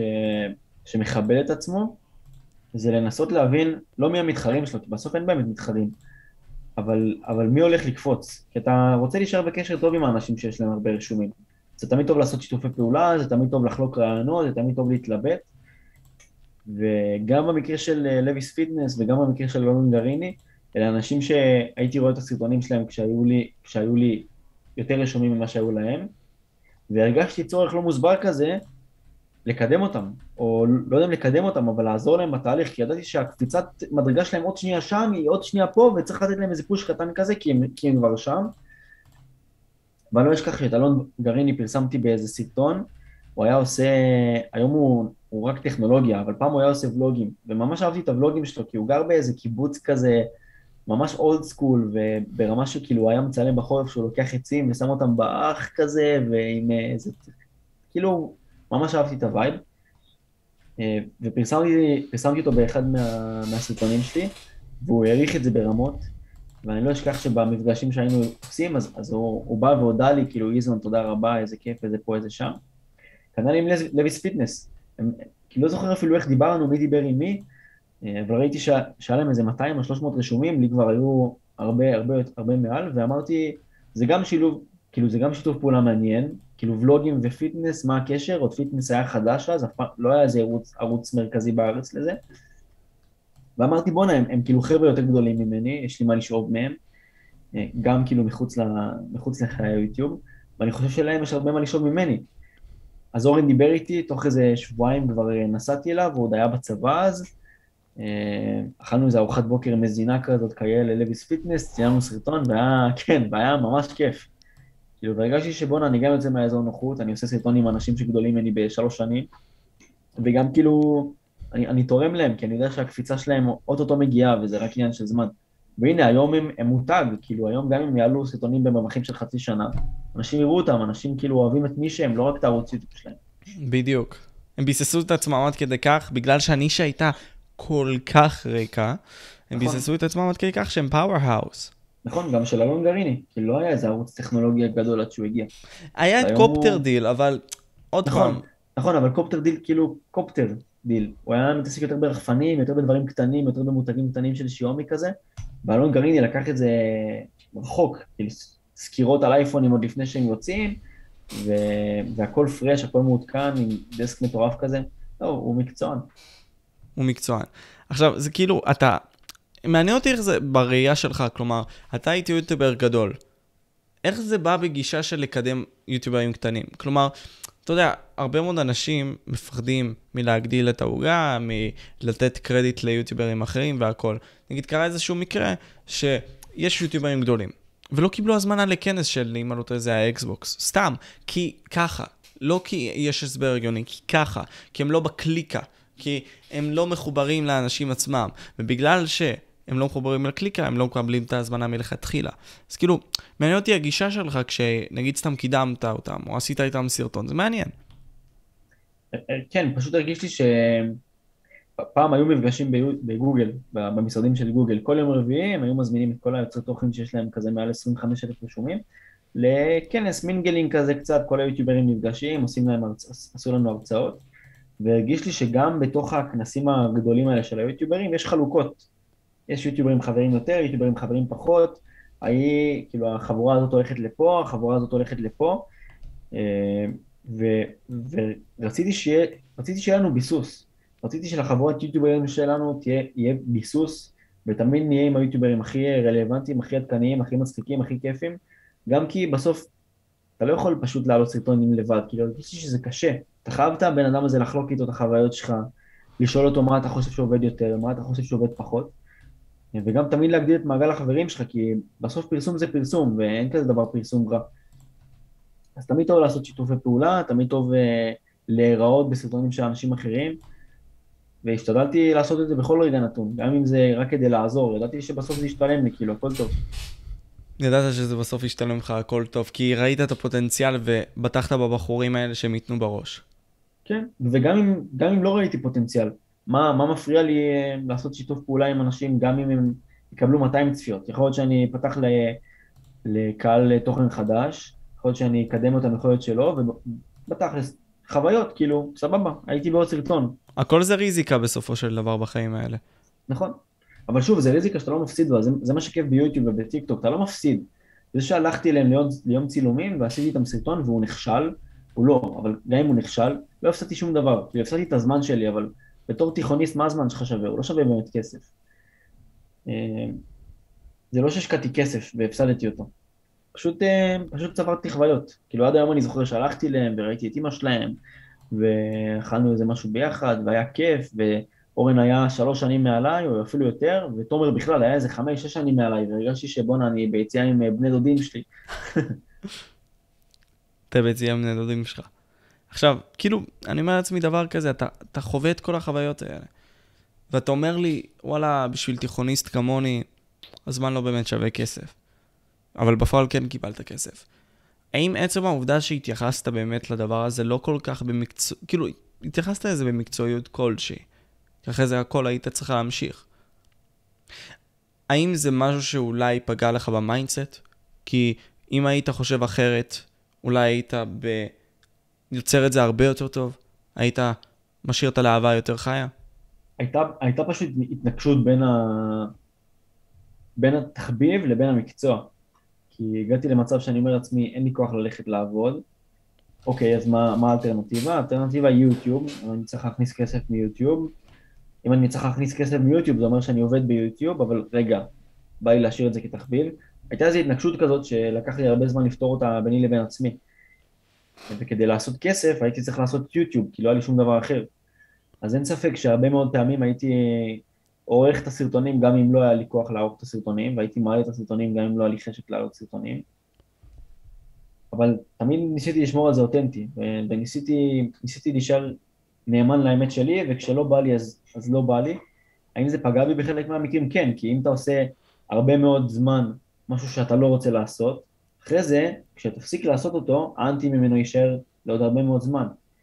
אמ, אבל אם אתה עושה רק משהו שאתה אוהב, וכשאתה אוהב לעשות אותו, תמיד יישאר חשק וטעם טוב ממנו.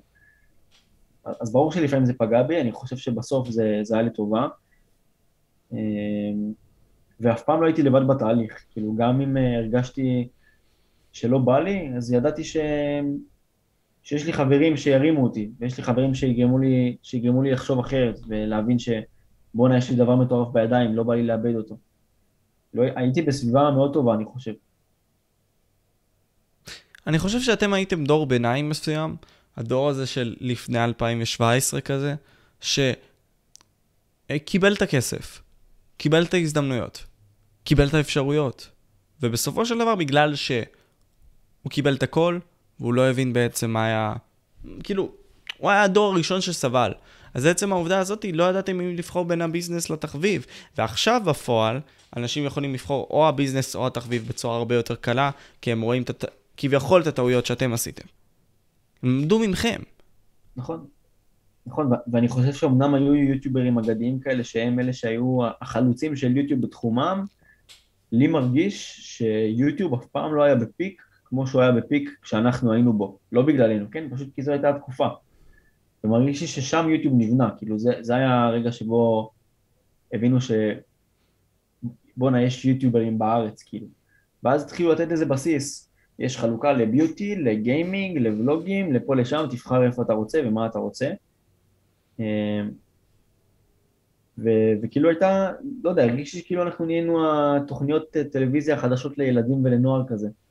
כאילו זהו, אין, אין כוח יותר לגאליס, אין כוח יותר לחממה, פתחו את היוטיוב, תראו מה שמעניין, תראו מה שעכשווי. בדיוק. כלומר, אתם, כמו, כמו שעכשיו אנשים יכולים להיות ערוצי תקשורת במידה והם רוצים, אתם העברתם את התוכן לאנשים. בסופו של דבר. ואפילו אם זה היה פחות מקצועי ופחות זה, אתם השקעתם קודם כל את המקצועיות שלכם כמה שיכולתם לאותו רגע. זה הרמה, זה הרמה לאותה תקופה, אבל אתם הבאתם את זה בצורה אמיתית, בצורה אחרת. לא בצורה מעובדת, לא כמו ערוץ חדשות, לא כמו ערוץ טלוויזיה, בצורה אותנטית. זה מה שאנשים נראה לי אהבו, האותנטיות. כן, כי, כי קל להיסחף לזה. כי כשאתה, כשאתה פותח ערוץ חדש, בדרך כלל הכוונות שלך טובות. אתה אומר, אני רוצה להשפיע על אנשים, אני רוצה לגרום לאנשים לשמוח ולחייך. וכשאתה בתוך האטרף, בתוך הבועה הזאת, אז קל, קל להישאב אליה. קל אה, להגיד, טוב, אני חייב לחשוב על רעיונות לסרטונים כמה שיותר מהר, לכתוב תסריט כמה שיותר מהר, לזכור אה, אורחים שערכו לי את הסרטונים, אבל, אבל האותנטיות קצת נאבדת. כאילו זה מרגיש יותר מתועש, יותר ממוסחר, זה מרגיש פחות כמו עצמך. אה, ותמיד ניסינו לשמור על הבלנס הזה כדי להישאר מי שאנחנו, להבין מה הסיבה שבגללה נכנסנו בכלל לתחום הזה, ו... ולגרום לאנשים לשמוח. כאילו זאת הסיבה שבגללה כל שלושה חודשים היינו עושים מפגש של צופים ויוצרי תוכן בשרונה, בלי הבטחה, בלי אה, איזשהו... אה, כל קשר לארגון וסדר כלשהם. פשוט אנחנו מתהלכים בין 700, 800, לפעמים גם אלף ילדים שרוצים להצטלם איתנו וסתם רוצים לדבר איתנו כי, כי, כי הם מרגישים שהם מכירים אותנו. וה, ולרדת לעם הזה, כאילו להצטלם איתם, להבין שבואנה, יש, יש תמורה לכל מה שאתה עושה, זה לא סתם לייקים ומספרים במסך, אלא ילדים באים פיזית עם שקיות בידיים ומביאים לך מתנות, מביאים לך ציורים, ו... והם מביאים לך חיבוקים, ואומרים לך כמה שהם אוהבים אותך וכמה שהם מעריכים אותך, ו... וזה מטורף לראות את זה, לראות את זה מול העיניים. מטורף לראות את זה מול העיניים. כלומר, אתה אומר לי, הצופים האלה שבאים וסוף סוף, כאילו, אתם בעצם העיקר לי, אבל באמת מיציתם את עצמכם עד הסוף. עוד פעם, אני משתמש בזה לא כי כן. אתה אמרת, כי זה באמת אמיתי. הדוגמה הזאת היא כל כך אמיתית, והצופים נעשו אמיתיים. אתם לקחתם את זה one step ahead, והבאתם נכון. אנשים, ולקחתם את היוזמה, וראיתם את הדברים מחו"ל, והבאתם את זה לארץ. זה מטורף. מרגיש לי ש... שפשוט הפרסום של פעם היה פרסום הרבה יותר משמעותי. זאת אומרת, היום בטיקטוק יש כל כך הרבה יוצר תוכן, שמקבלים כל כך הרבה לייקים וכל כך הרבה צפיות, שאתה לא זוכר אותם, כאילו, יכול לקפוץ לך סרטון של בן אדם עם 50 אלף צפיות, 50 אה, אלף לייקים בטיקטוק ישראלי, ויום אחרי זה אתה לא זוכר מי הבן אדם. פשוט כי קצב התחלופה של הסרטונים כל כך מהיר, שבן אדם יכול כאילו להתפרסם, אני מקביל את זה פשוט לקבל מלא צפיות ולייקים, אבל הוא לא באמת מפורסם, פשוט הסרטון שלו התפרסם. וביוטיוב, לקבל 100 אלף צפיות על סרטון בתקופה שלנו היה משהו לא נורמלי. היה מטורף, כאילו, ידעת ש... בואנה, אני עושה משהו טוב, כאילו. והיום מרגיש לי שאתה לא צריך לעשות יותר מדי, וסליחה שאני נשמע ממורמר על הטיקטוק, כאילו מרגיש לי שאני באמת זקן, אבל אתה לא צריך לעשות יותר מדי, אתה מצלם איזה ילד נופל למים, או קורא לאיזה ילד החולצה כי זה הטרנד היום, ו- וזהו, אתה מקבל את הלייקים שלך, אבל, אבל זה לא פרסום, אנשים לא אוהבים אותך. אנשים אוהבים את מה שהם רואים. מצחיק אותם לראות ילד קורא לילד אחר את החולצה, או לא יודע, או כל מיני טרנדים שהולכים עליהם בטיקטוק, אבל האתגר הוא, האתגר הוא שיאהבו אותך, אתה מבין? שיעריכו אותך, לא, לא את הסרטון. כי הסרטון הוא נחמד, והעריכה היא נחמדה, והתסריט הוא נחמד, והכל סבבה. אבל אם הם מעריכים את, את הבן אדם שנמצא מולך, אם הם מעריכים את אופק איזון, אם הם מרגישים חיבור אמיתי אליו, גם אם זה, אתה יודע, מחוץ למצלמה, אם זה קורה, אתה יודע שהצלחת. אז זהו, החיבור הזה הוא עניין שיוטיוב כן נתן, בהרבה מאוד מהמקרים, גם בשלבים המוקדמים. טיק טוק, אני ממש רשמתי לעצמי את זה עכשיו בוואטסאפ. טיק טוק זה כמו ערוץ חדשות שיש לך בו חופש בחירה. בפועל, תמיד יש לך תוכן שרץ לך, ותמיד יש לך תוכן שהוא כביכול נוגע לך בסטיות שלך, ביצרים שלך ובכל הדברים האלה, שהוא לא דבר כל כך טוב, שהוא לפעמים גם זול בהרבה מאוד מהמקרים, בלי מסרים עמוקים, ובפועל זה מונגש לך לתוך הפה. אז כאילו, בסופו של דבר, אנשים רוצים לברוח מהחיים. ככה, החיים הם לא קלים. זה כמו עם סיגריה להיות, זה, זה למה ההורים שלנו עד עכשיו יושבים בטלוויזיה ורואים את הפוקר חדשות ככה, כמו זה לא יודע מה, משועממים של החיים, אבל אנחנו צורכים את זה באופן אחר. הצריכה של הטיקטוק לדעתי זאת הצריכה האולטימטיבית. מי אמר שיוטיוב זה המקור הכי טוב לצריכת תוכן? כשנותנים לך את הכל לפה, למה שהיא תתלונן? נכון, אנש, לא, אנשים אוהבים להתנוון, כאילו אנשים אוהבים לשקוע ו, ולשכוח מה קורה סביבם. זה למה כל כך קשה לעצור את הפעולה הזאת של להחליק לראות את הסרטון הבא. אין, זה בלתי אפשרי, אני אומר לך, אני, אני מכור לטיקטוק, כאילו, אני כל היום בטיקטוק. ו- ו- ואני כל פעם אומר לעצמי, יאללה, עוד חמש דקות, מפסיק עם הטיקטוק. מגיע עוד חמש דקות, ואני לא, מצ... לא מצליח, כאילו, זה כיף, זה כיף להישאב לזה. אה, ו- וזה ההבדל באמת בין ערך של סרטון יוטיוב, שהוא יכול להיות מפוצץ בערך, לבין אה, 200 סרטוני טיקטוק שבאים אחד אחרי השני, וכל אחד מהם פשוט אה, פספוסים, נפילות וסרטוני ריקוד, כאילו. או פשוט סיכומים ופאנצ'ים של דברים, ורגעי שיא כזה, endless. זה למה נכון. נגיד סתם, יוטיובר כמו, עוד פעם, ציינתי את זה היום עם מנדר, מאסטר אוהד. הוא כל פעם באומיגל עושה את אותם דברים. מה זאת אומרת? הוא נכנס לאומיגל. אומר לבן אדם הזה שיש לו חברים, נגיד סתם שהם התנשקו. סתם, בשביל העניין, בשביל הצחוק. מדבר עם בנות, בנות יפות, כדי, אתה יודע, בנות יפות מושכות העין. כאילו, כל הדברים האלה שהם מאוד יצריים, ובעצם גורם לקהל להישאר. בפועל, מה שאני מנסה פה להגיד זה דבר כזה. קל להצליח. פשוט צריך לדבר את השפה של אותם אנשים שמדברים איתך. ו... אז זה לא הופך אותך לבן אדם פחות טוב. פשוט זה אומר שאתה צריך להבין את חוקי המשחק של העולם, כדי שאתה תצליח בו. אתה לא יכול, נגיד, סתם. להיות אור כאילו- בסביבה של חושך.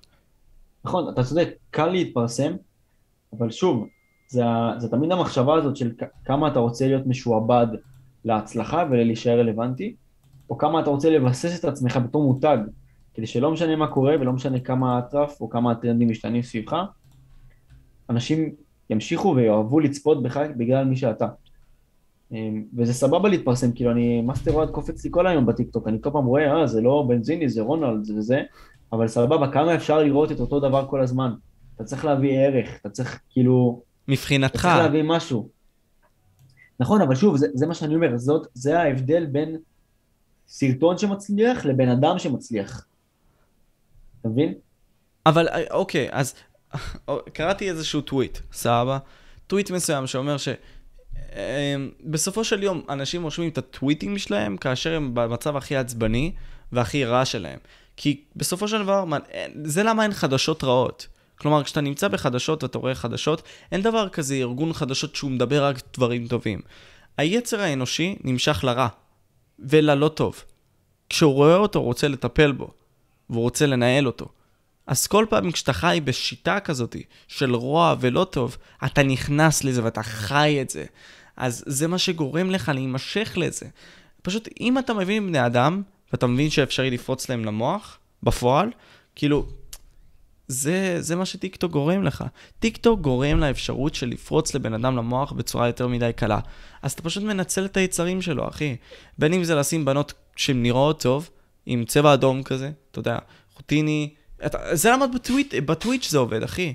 ב Twitch ASMR זה עובד. וואלה, באמת. כן. שאף פעם לא הייתי... אה, ASMR, יותר אחי, בנות. אחי, בביקיני, זה עובד. סימפים ב-only fans, זה עובד, אחי. פשוט הולכים ליצר, בגלל שאתה רוצה לברוח כל כך הרבה מהחיים האלה, שהם הרבה מאוד כופים עליך, ואתה לא חי את מי שאתה באמת רוצה להיות. ודיברתי עם הרבה מאוד פרופסורים והכול, הגעתי להבנה הזאתי. בגלל שכופים עליך את כל הדברים הרעים האלה, ואתה לא מי שאתה, אתה רוצה לברוח מהחיים. בחיים אתה לא מקבל את מה שאתה רוצה, כי בסופו של יום אתה מפחד גם לגשת מהדברים שקורים. אתה חושב שהסטנדרטים יותר מדי גבוהים, כי יש את הכוסיות, אה, וואו, fuck, כי יש את הבנות האלה שנראות יפה והכל, ואתה פשוט אומר לעצמך, למה לי להתחיל איתם? פורנו גורם לך להתנוון, טלוויזיה גורמת לך להתנוון. כל הדברים האלה משפיעים עליך בתור בן אדם, וגורמים לך לברוח מהחיים, במקום להתנהל איתם, אז אתה מעדיף לשלם את הכסף.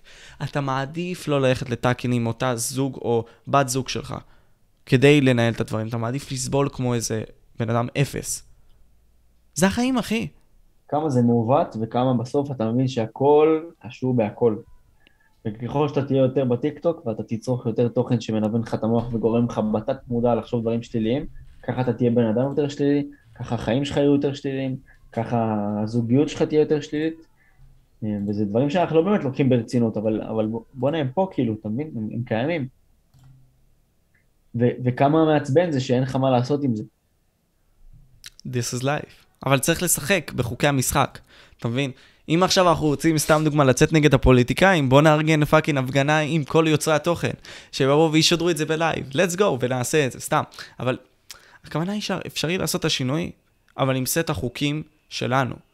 אפשרי לעשות את זה, אחי. זה לא בהכרח אומר עכשיו לשנות את טיק טוק, אבל אפשרי לשנות את המצב ליותר טוב. ואפשרי לא לקחת חלק, אחי, ולא לפזר את האנרגיה השלילית הזאת בחיים שלנו. נכון. אבל אם אתה רוצה לעשות טוב, צריך uh, למצוא פלטפורמה לעשות בה טוב. ו- ואם אתה מבין שלצורך הדוגמה יוטיוב היא פלטפורמה שהיא לא רלוונטית יותר, אני מחזיר את השיחה קצת אחורה, אתה תמיד שכרגע הכל הולך בטיק טוק, ואם אתה רוצה להישמע ושיראו אותך, אתה צריך להיות בטיק טוק, אז אתה צריך להבין רגע איך אתה נכנס לתוך העולם הזה שהוא אה, עולם של... אה, עולם, ש, שמעודד אה, בריונות, או גם אם זה לא באופן ישיר אז בתת מודע, ועולם ש... ש... שמתאכזר לאנשים ש... שהם קצת שונים, עולם שמעודד את אידיאל היופי, איך, איך אתה משתחל לתוך העולם הזה ואתה נותן את היופי שלך, את הטוב שלך, כדי להשפיע ולעשות את מה שאתה רוצה לעשות. ואיך אתה נשאר רלוונטי? כי אם אני אעמוד מול הסרטון, מול המצלמה שלי ואני אגיד, אה, חבר'ה, תהיו אנשים טובים, להיות אנשים טובים זה טוב, תפסיקו עם הבריונות, אנשים ידלגו עליי, אף אחד לא יצפה בזה, כאילו אני... אתה יודע למה אני מחייך? בפועל. כי אתה אמרת את זה בתחילת השיחה. במשחקי מחשב, סתם דוגמה, אתה משחק דמות. והדמות הזאתי, כמו נגיד סתם הפוליטיקאי המושחת, אתה יכול לשחק באיזשהו משחק. מי אמר שאתה לא יכול עם השפה של טיק טוק לשחק את הדמות הזאת שאתה רוצה להציג לאנשים? את הטרנסג'נדר המשוגע הזה, שהוא עם שיער כזה, לא, זה סרטון מסוים, כן? הולך, הולך לבית הפוליטיקאים בארצות הברית, לובש כזה פאה מוגזמת והכול, ומדבר כמו איזה, לא יודע מה, סתם דוגמה, זה סטיגמה כלשהי, כן? אבל מנסה פה להעביר איזשהו, איזושהי אידיאולוגיה. ומעלה את זה לטיקטוק וזה מתפוצץ.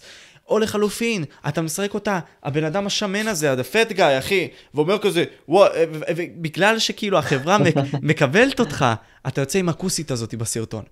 וואו, מטורף, נכון? אתה מראה את זה לאנשים, אחי. אתה משקף להם את זה, לפנים. אתה בעצמך אמרת לי את זה. מה נקרא fake it until you make it. בדיוק, אבל זה, זה לא כל כך fake it. זה להראות נכון. לאנשים כמו, אתה יודע, זה למה אני אוהב אומנות. זה למה אני אוהב ספרות. זה למה אני אוהב את ההוגים הגדולים האלה. כי הם לקחו סיפורים, ופשוט, אתה יודע, הציגו, נגיד סתם, את המסר שלהם בתור ספרות כלשהי, שמדמה סיפור כלשהו, אתה מבין? כן. מה שאני מנסה פה להגיד זה דבר כזה. אתה לוקח את החיים, אתה לוקח את מה שיש לך, אחי, בסט ידיים שלך, ואומר כזה, אוקיי, let's go. אתה אומר כזה, אוקיי, אני רואה שאנשים מדברים ככה, אז בוא נהפוך את הגלגל. אני אדבר בשפה שלהם, אבל אני אראה את המסר שלי. נכון. נכון.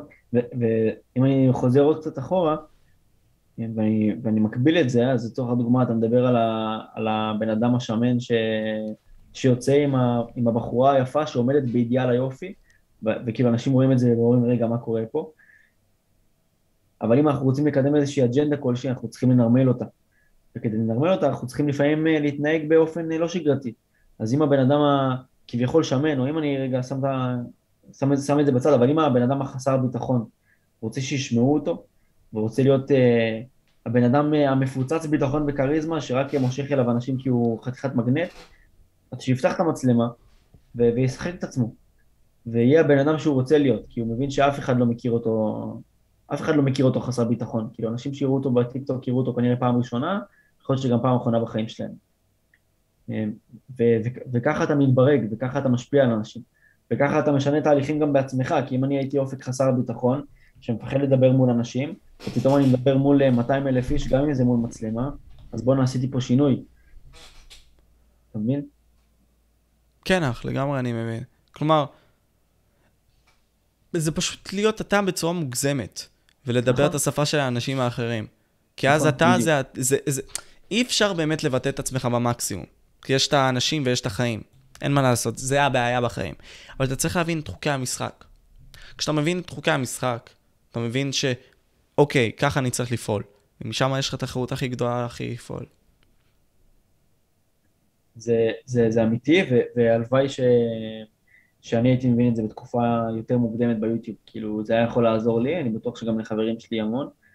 ואני חושב שאם מישהו מאזין ורוצה איכשהו לפרוץ והוא לא בטוח והוא חסר ביטחון והוא אה, מפחד אה, והוא אומר בואנה מה יגידו ואיך יגידו. אה, אז כמו שאמרת, פשוט, פשוט לעשות את זה, כאילו להגיד אני, אני עושה את זה, ולפתוח את המצלמה ולהתמודד.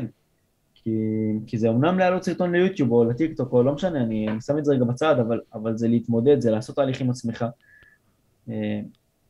ואני לא חושב שהמחסום הזה של, ה, של הדיגיטל צריך להיות, צריך להיות מחסום, כאילו, אנחנו פה, אנחנו מתקשרים עם כולם, הכל טוב. בדיוק.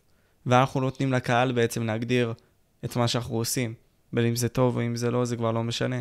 אבל אנחנו נותנים לו את האפשרות הזאת להגדיר אותנו, לפי הערך שלנו. לגמרי. משם זה יזרום. אולי זה לא שלך גם. זה זורם. זה באמת באמת זורם. מה מעניין אותך, אחי, כאילו, בימים שלך? כלומר, אם אנחנו נצא טיפה מהאווירה הזאת של יצירת התוכן והכל, כלומר, מה נגיד סתם מעניין אותך אופק, בדברים שאתה עושה והכל? אמ, היום אני קצין בצבא, אני משרת בקריה, ואני חושב הרבה על מה יהיה ביום של השחרור, אמ, על מה, על מה אני רוצה לעשות, אז אני, אני חושב הרבה על, על יוטיוב ועל יצירת תוכן ו, וכאלה, אבל אם אני שם את זה בצד, אז, אז כל מה שקשור למוזיקה וליצור מוזיקה. זה משהו שמאוד מעניין אותי, תמיד אהבתי, ותמיד זה היה באיזה גדר תעלומץ לי של בוא'נה איך עושים את זה.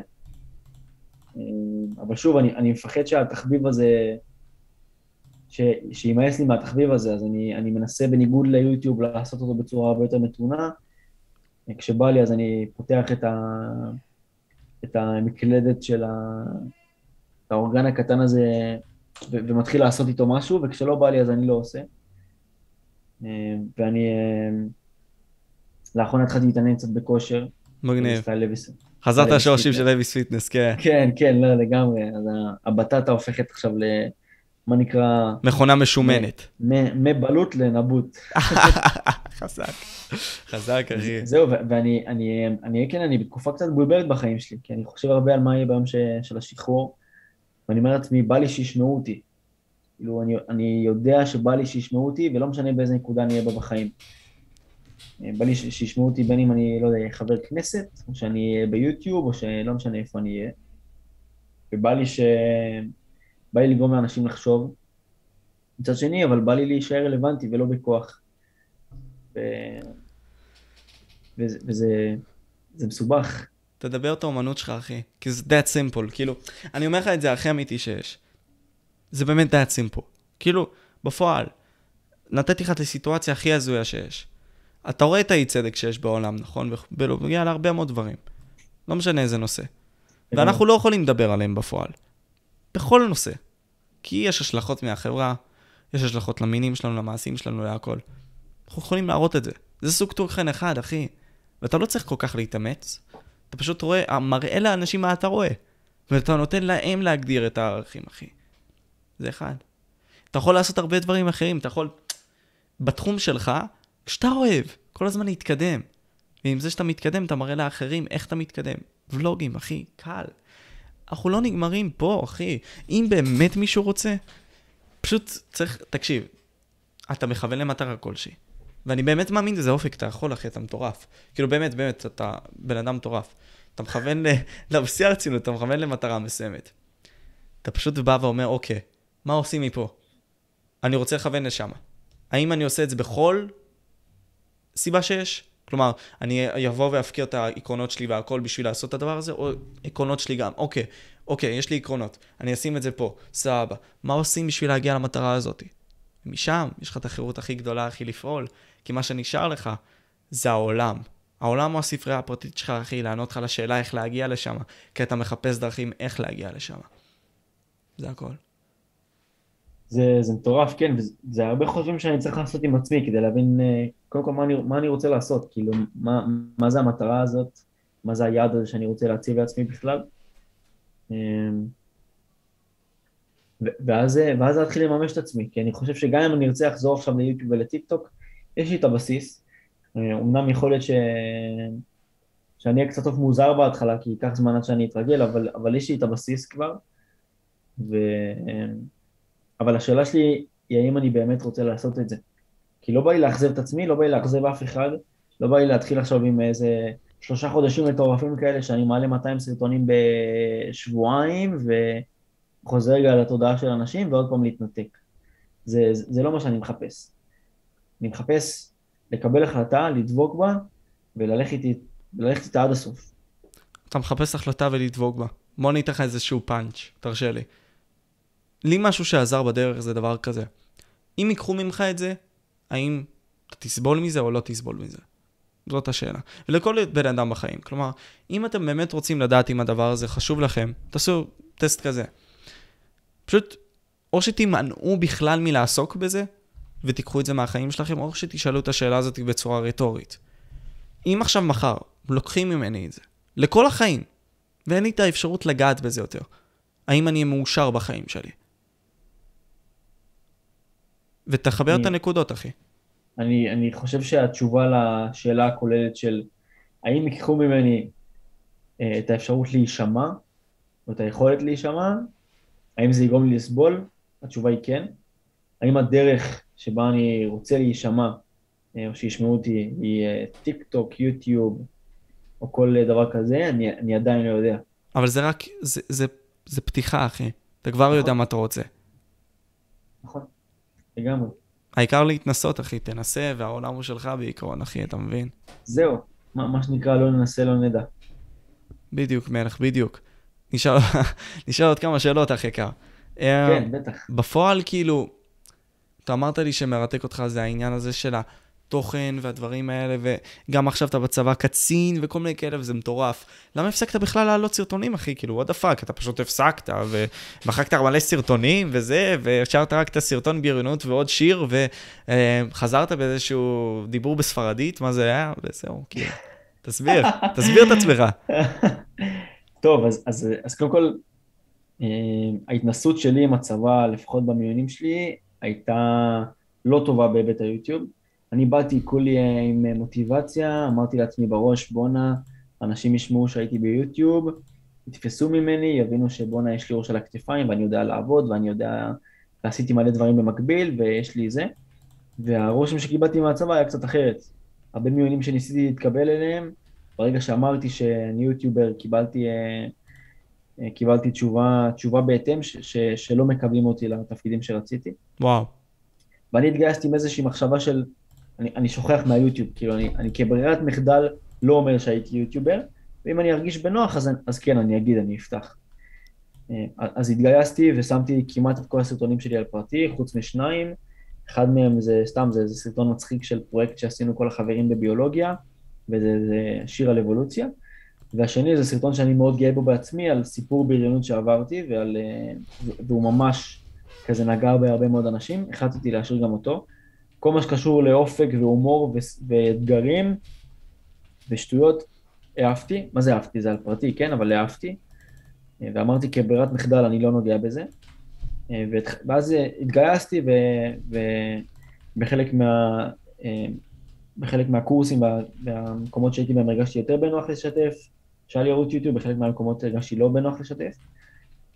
ואז כשיצאתי לקצונה ואמרתי, טוב, אני רוצה להיות קצין, אז הבנתי שבסדר, הסרטונים האלה לא יכולים להיות ביוטיוב. במידה ואני אהיה קצין, אז יהיו לי חיילים תחתיי שיכולים לראות את הסרטונים האלה, וזה לא מתאים. וזה מה שליווה אותי לפחות בשנתיים הראשונות שלי בתור קצין. ואז הגעתי לאיזושהי הבנה שאמרתי לעצמי, אין דוגמה אישית לחיילים שהיא יותר טובה מאשר לעשות את מה שעושה לך טוב. וכשהבנתי והגעתי למסקנה הזאת, אז הרשיתי לעצמי להעלות יותר סרטונים לרשת, והייתי גם מאוד פתוח עם חיילים וחיילות שלי, כאילו, זה, זה מי שאני. אני ממש זוכר, יוצא הביתה בסופש, חוזר אה, לבסיס ביום ראשון, ומראה לחיילים שלי את כל הטיקטוקים שהעליתי בסופש, ממש משתף אותם בהכל, עם כמה שזה היה מוזר בהתחלה, פשוט אמרתי, אני, אני מתמודד עם זה, כאילו זה עושה לי טוב להעלות סרטונים בטיקטוק, אין דוגמה אישית יותר טובה מזה. ולאחרונה, אחרי שעברתי לקריה, אז ממש התחילו לעלות בי יותר ויותר רעיונות של, של אולי אני רוצה לחזור, ואולי אני רוצה כן להישמע. וזה כן עושה לי טוב, ובגלל זה העליתי את הסרטון האחרון.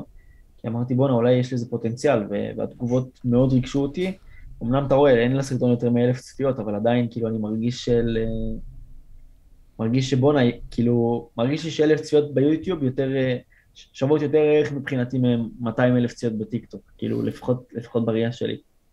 כי הקהל הוא יותר, יותר לויאלי בקטע הזה. הקהל הוא יותר לויאלי, וזה הפתיע אותי שעדיין יש, אה, יש אנשים ביוטיוב. כאילו הייתי בטוח שיהיה לי 30 צפיות. מה שכן, אני יכול להגיד שאני לא יודע אם כל כך... זה לא שאני לא כל כך מסכים איתך. אני לא יודע, כי היה את האירוע של דה כהן ודניאל יונה, לא יודע אם אתה שמעת עליו. זה היה שם איזה ריב בטח או משהו, לא? כן, כן, כן, זה היה בכדורסל וזה היה לפני כמה חודשים. עכשיו, כן, זה, זה היה לפני לא מעט זמן, ובפועל הם הביאו לפארק הירקון 4,000 איש, וביוטיוב היה להם 25,000 צופים. עכשיו, תבינו אותי כשאני אומר את זה, אני לא יודע עד כמה הצופים הגיעו מטיקטוק, מדניאל יונה ועמית פורטל, שהם דמויות מהטיקטוק, או הגיעו מדה כהן ומאסטר אוהד, 4,000, פיזית. אני לא יודע. אז כאילו, אני לא יודע אם הקהל הוא עד כדי כך כאילו לא פיקטיבי בטיקטוק. בטיקטוק. לא, אני, אני לא אומר שה, שהקהל הוא פיקטיבי בטיקטוק, ממש לא. אני פשוט אומר, ואני, ואני אני אחזור על זה עוד פעם, שיש הבדל בין סרטון שמצליח לבן אדם שמצליח. כאילו, יש כל כך הרבה סרטונים בטיקטוק שהם ויראליים בטירוף, ואף אחד לא יודע מי עומד מאחוריהם, פשוט כי, כי הם ויראליים. וכשאתה מגיע למצב שאתה או דמות שאוהבים אותך, או בן אדם שאוהבים אותך, אני לוקח את זה כדוגמה, דניאל יונה כדמות או לא דמות, לא יודע מי הבן אדם ומה הבן אדם, ודה פורטל ודה כהן, או עמית פורטל ודה כהן. ואני אומר לעצמי, בוא'נה, הם, הם יצרו לעצמם איזשהו ביסוס. גם אם הם חוזרים עליו באופן רפטטיבי כל פעם מחדש, ומרגיש שה, שכל סרטון שלהם נראה אותו דבר, הם מותג, אנשים אוהבים אותם, כאילו אי אפשר להתחמק מזה. אבל, אבל כברירת מחדל, מרגיש לי שהרבה יותר קשה להתפרסם בטיקטוק. כאילו, מרגיש לי שיותר קל להיות ויראלי בטיקטוק, אבל קשה יותר להתפרסם בתור בן אדם. מה אתה מגדיר פרסום? תהילה? אה, פרסום או הצלחה, אתה יכול לקחת את זה איך שאתה רוצה, אבל שוב, זה, ה...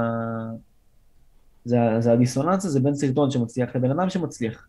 בין סרטון שמגיע ל-50 אלף צפיות, ובין בן אדם שמגיע בכל סרטון שלו מחדש, לא משנה כמה הסרטון טוב או לא, ל-50 אלף צפיות. אה, אוקיי, זה כבר משהו אחר, אוקיי.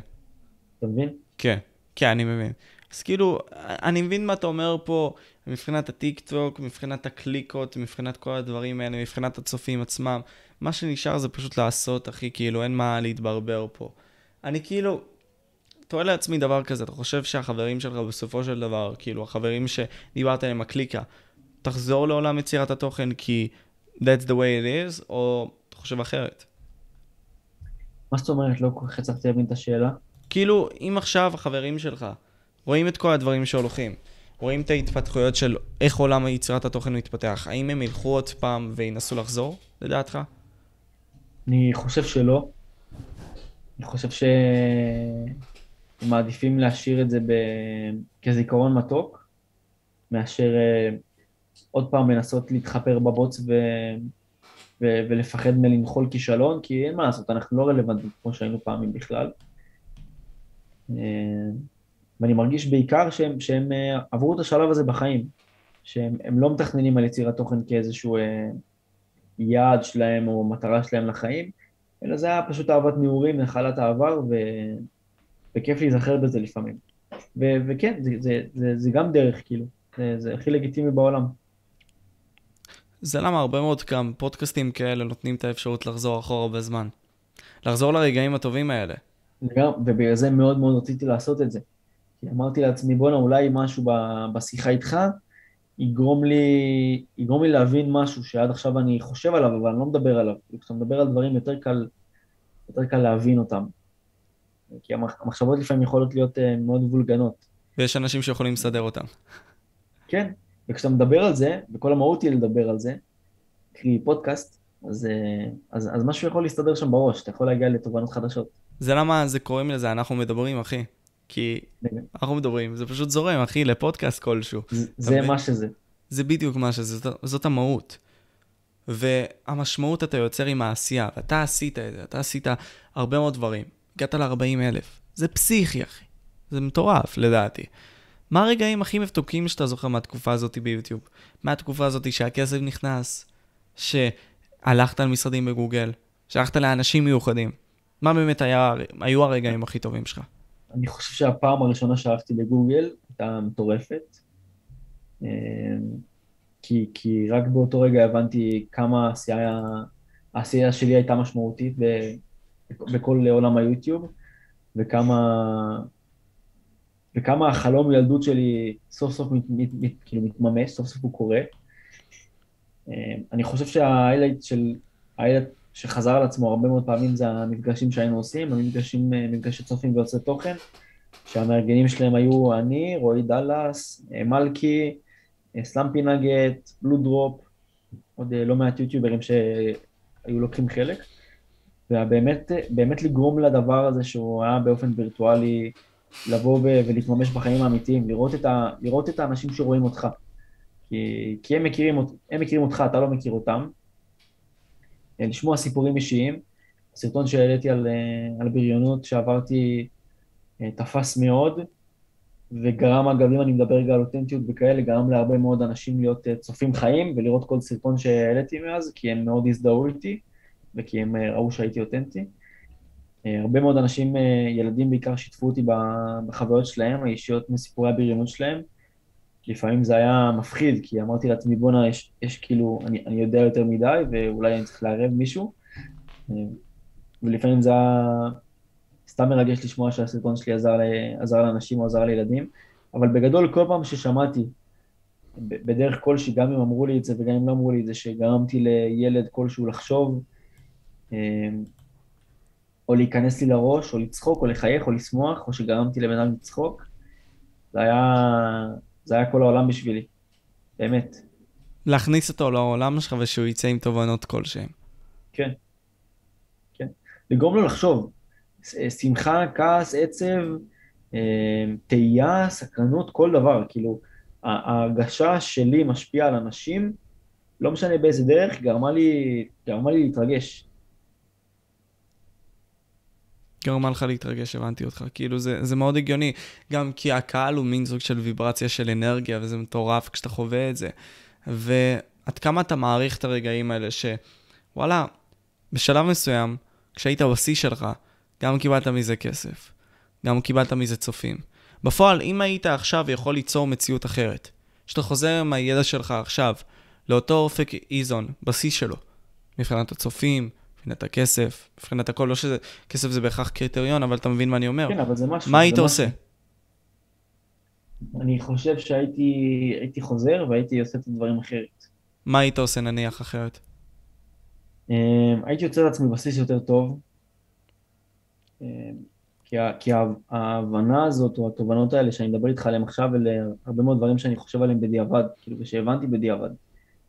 אז ההבנה הזאת שאותנטי אותנטי זה מוכר ואותנטי זה כל מה שיש, ועדיף לך להיות אותנטי כי זה מי שאתה. אמ, וגם אמ, לא, לא לחשוב על זה כזיכרון מתוק, כאילו להשאיר את זה ההווה שלי, הייתי, מאוד שמח. אני, אני רוצה להישמע, זה חסר לי. ואיך לדעתך להראות או להציג את זה, את מה שאתה רוצה, גם כשאתה נכנס למסגרת הצבאית, האם זה עדיין אפשרי לדעתך? כן, אני, אני חושב שלא משנה מה אתה, גם אם אתה חייל, גם אם אתה קצין, גם אם אתה אה, בן אה, 18 וגם אם אתה בן אה, 40, כל עוד אתה עושה מה שעושה לך טוב, ואתה עושה את זה במידה, כמו שדיברנו מקודם, כאילו אני לא אעלה אף פעם בסרטון שלי שאני אה, שותה אלכוהול או שאני במסיבות, גם כי עכשיו אני רגע בכובע של, אה, של יש מצב שילדים אה, 14 רואים אותי וזה לא מתאים, וגם בכובע של בואנה יש לי חיילים שאולי הם צופים בי. אבל, אבל פשוט לעשות מה שעושה לך טוב. זה, ה, זה הדוגמה האישית הכי טובה שיכולה להיות, גם ל, לילדים, גם לחיילים. ו, ופשוט להיות מי שאתה. פשוט להיות מי שאתה. כן. ואיזה מסר אתה מרגיש, נגיד סתם לקהל צופים שצופה בפודקאסט הזה? קהל צופים שלך, קהל צופים שלי, שיצפה בזה, מה אתה חושב שחסר אצלו בימים האלה? בין אם זה בתחום יצירת התוכן, בין אם זה בערכים, מה לדעתך חסר? אמ, אני חושב ש... שחסר טוב. זה, זה נשמע קצת כללי, אבל אני, אני חושב שאנחנו מוקפים יותר מדי ב... ב... כמו שאמרת, במה לא טוב. כאילו הרשת, התקשורת מדברת על מה לא טוב, הטיק טוק מראה דברים לא טובים. אנחנו, אנחנו מוצפים בזה, באידיאל היופי אה, בסיפורי בריונות, ובאמת באלף ואחת דברים שהם לא טובים. ואני חושב שהדרך הכי טובה לחשוב טוב, כי בסוף בתת מודע זה עושה לנו דברים לא טובים, זה לבחור, לבחור איזה תוכן מקיף אותך. אני לא מזמן הורדתי את הלייקים שלי מכל עמוד כלשהו שגרם לי להרגיש לא טוב עם עצמי. אמ, באמת, כל, כל דבר שגרם לי להרגיש לא טוב עם עצמי, כשאמרתי זה יכול לגרום לי להרגיש לא טוב, העפתי. כאילו, לא, לפני יומיים היה... לפני יומיים היו רקטות מעזה לאשקלון. כן, וואלה, אני גר באשקלון. באמת, אז, אז גיליתי על זה היום, כי אני פשוט לא עוקב אחרי חדשות יותר, בחיי. גם אני לא. המחש... הטלוויזיה הזאת היא נטו בשביל להראות את הדבר החרא הזה. אתה אומר כאילו אם לא היה צבע אדום, לא היית יודע שיש אזעקות. חד משמעית, בחיי, כאילו אני חי הרבה יותר טוב ככה. זה כאילו, אתה אומר לי פה לבחור את המציאות שלך ולברוא את הדברים שאתה מכניס לגוף שלך. זה כמו fucking לא לך, אתה יודע מה, דיברנו על כושר ודיברנו על לויס פיטנס. באינטרנט יש לך כל כך הרבה bullshit שנכנס לך לתוך ה fucking פה. פשוט צריך נכון. לברור אותו, ולא להכניס עוגה. כל פעם למחדש. שמעתי פודקאסט מעניין לא מזמן, לא זוכר שמי אפילו, אבל פודקאסט בארץ, על, אה, שדיבר על שינוי הרגלים. ואחד הדברים הראשונים שהוא אמר שם, זה שהסביבה שלך משנה את מי שאתה. כאילו, הסטטיסטיקה אומרת שאם אתה חבר של בן אדם שנהיה מיליונר, הסיכויים שלך להפוך להיות מיליונר קופצים באיזה, במאות אחוזים. ואם אתה מוקף באנשים שכל היום עושים ספורט, הסיכוי שלך להפוך לבן אדם שעושה ספורט הוא הרבה הרבה יותר גבוה. אבל, אבל זה הופך גם הפוך, אם אתה נמצא כל היום בסביבה של אנשים שמעשנים, שותים, עושים סמים, הסבירות שגם אתה תעשה את אותם דברים שהם שליליים יותר גבוה. אז תקיף את עצמך בדברים שאתה רוצה להיות. זאת השורה התחתונה. אם אתה רוצה להיות uh, מוקף כל היום בלא טוב ולהיות בן אדם פסימי ו... ולהיות בן אדם ש... ש... שחוסר בטוב מניע אותו, אז, אז, uh, אז תמשיך עם, עם כל הדברים האלה שאתה עושה ותמשיך uh, להידרדר ל... ל... לחל... לאזורים החשוכים של הטיקטוק, ותמשיך אה, לצפות באח הגדול, ותמשיך לעשות את הדברים האלה שמשבש... שמשבשים אותך ומנוונים אותך. ואם אתה רוצה שיהיה לך טוב ואתה רוצה לעשות טוב, אז תקיף את עצמך בדברים שעושים טוב, בדברים שמאירים אותך. לגמרי, כלומר, יש כל כך הרבה דברים בעולם. אי אפשר לבחור את כולם. בפועל גם אנשים, לא כולם יאהבו אותך. אתה צריך לבחור את האנשים שאתה נותן להם את התשומת לב שלך, והערכים שאתה נותן להם את התשומת לב שלך, והכל. כי תשומת לב זה שם המשחק. גם ברשת החברתית. אתה צופה במישהו, תשומת לב. למה שאני אצפה בך? אותו דבר. תשומת לב זה בסופו של דבר מה שמניע אותנו. ואם אני כל הזמן יניע אותי, כמו שאתה אומר, בדברים טובים, מסרים טובים והכל, זה המציאות שלי. נכון, לגמרי. זה הקלט והפלט. נכון, תקיף את עצמך בזה. כאילו, תהפוך את זה להיות כל החיים שלך. כאילו, פשוט חבל אם לא. אף אחד לא רוצה לחיות חיים של, אה, של כעס ופסימיות ואומללות. תרכב את עצמך בטוב. ת, ת, תגרום לעצמך אה, להיות מוקף בטוב ויהיה לך טוב, זה בלתי נמנע, אתה לא יכול, אתה לא יכול להתחמק מזה, גם אם אתה לא שם לב, זה, זה, זה יקרה, זה שם. בדיוק, כלומר, תמיד אפשרי גם למצוא אור בקצה המנהרה, לא משנה עד כמה אתה רחוק, לא משנה עד כמה אתה סובל, בסופו של, בסופו של יום בכאב אפשרי. כל עוד אתה יכול למצוא בכאב משמעות, אתה מנצח את שם המשחק, כי החיים הם כאב. מבחינתי, סבל החיים הוא משהו, והוא תמיד קורה. השאלה היא, אם אתה בוחר למצוא את המשמעות שלך, ובוחר לבחור את הסיפור הנכון אליו. כי המילים הם שפה. המ... סליחה, המילים הם סיפור. כל זה סיפור. נכון. אגב, לדעתי לפחות, גם אם לקרוא לזה, גם לקרוא לחיים סוג של כאב, למרות שבסוף אתה לא באמת מתכוון לזה, כאילו אמרת עכשיו יש איזה עומק, עומק לא נורמלי, אבל גם להגיד שהחיים הם כאב, בתת מודע, כאב זה לא משהו טוב. גם להגיד שהחיים הם כאב יכול, יכול בתת מודע לגרום לך לחשוב על החיים בצורה פסימית, או לפחות לא מספיק טובה.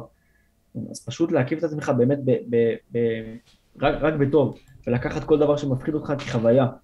ולצאת מהאזור נוחות ו- ו- ולעשות טוב, גם אם זה אומר לשנות את כל החיים שלך ולהקיף את עצמך בחברים חדשים, להעיף את כולם, כל מי שלא עושה לך טוב, הוא לא, הוא לא חלק מהחיים שלך יותר, להקיף את עצמך באנשים שעושים לך טוב, באנשים שמחייכים, באנשים שצוחקים, באנשים שאתה חשוב להם.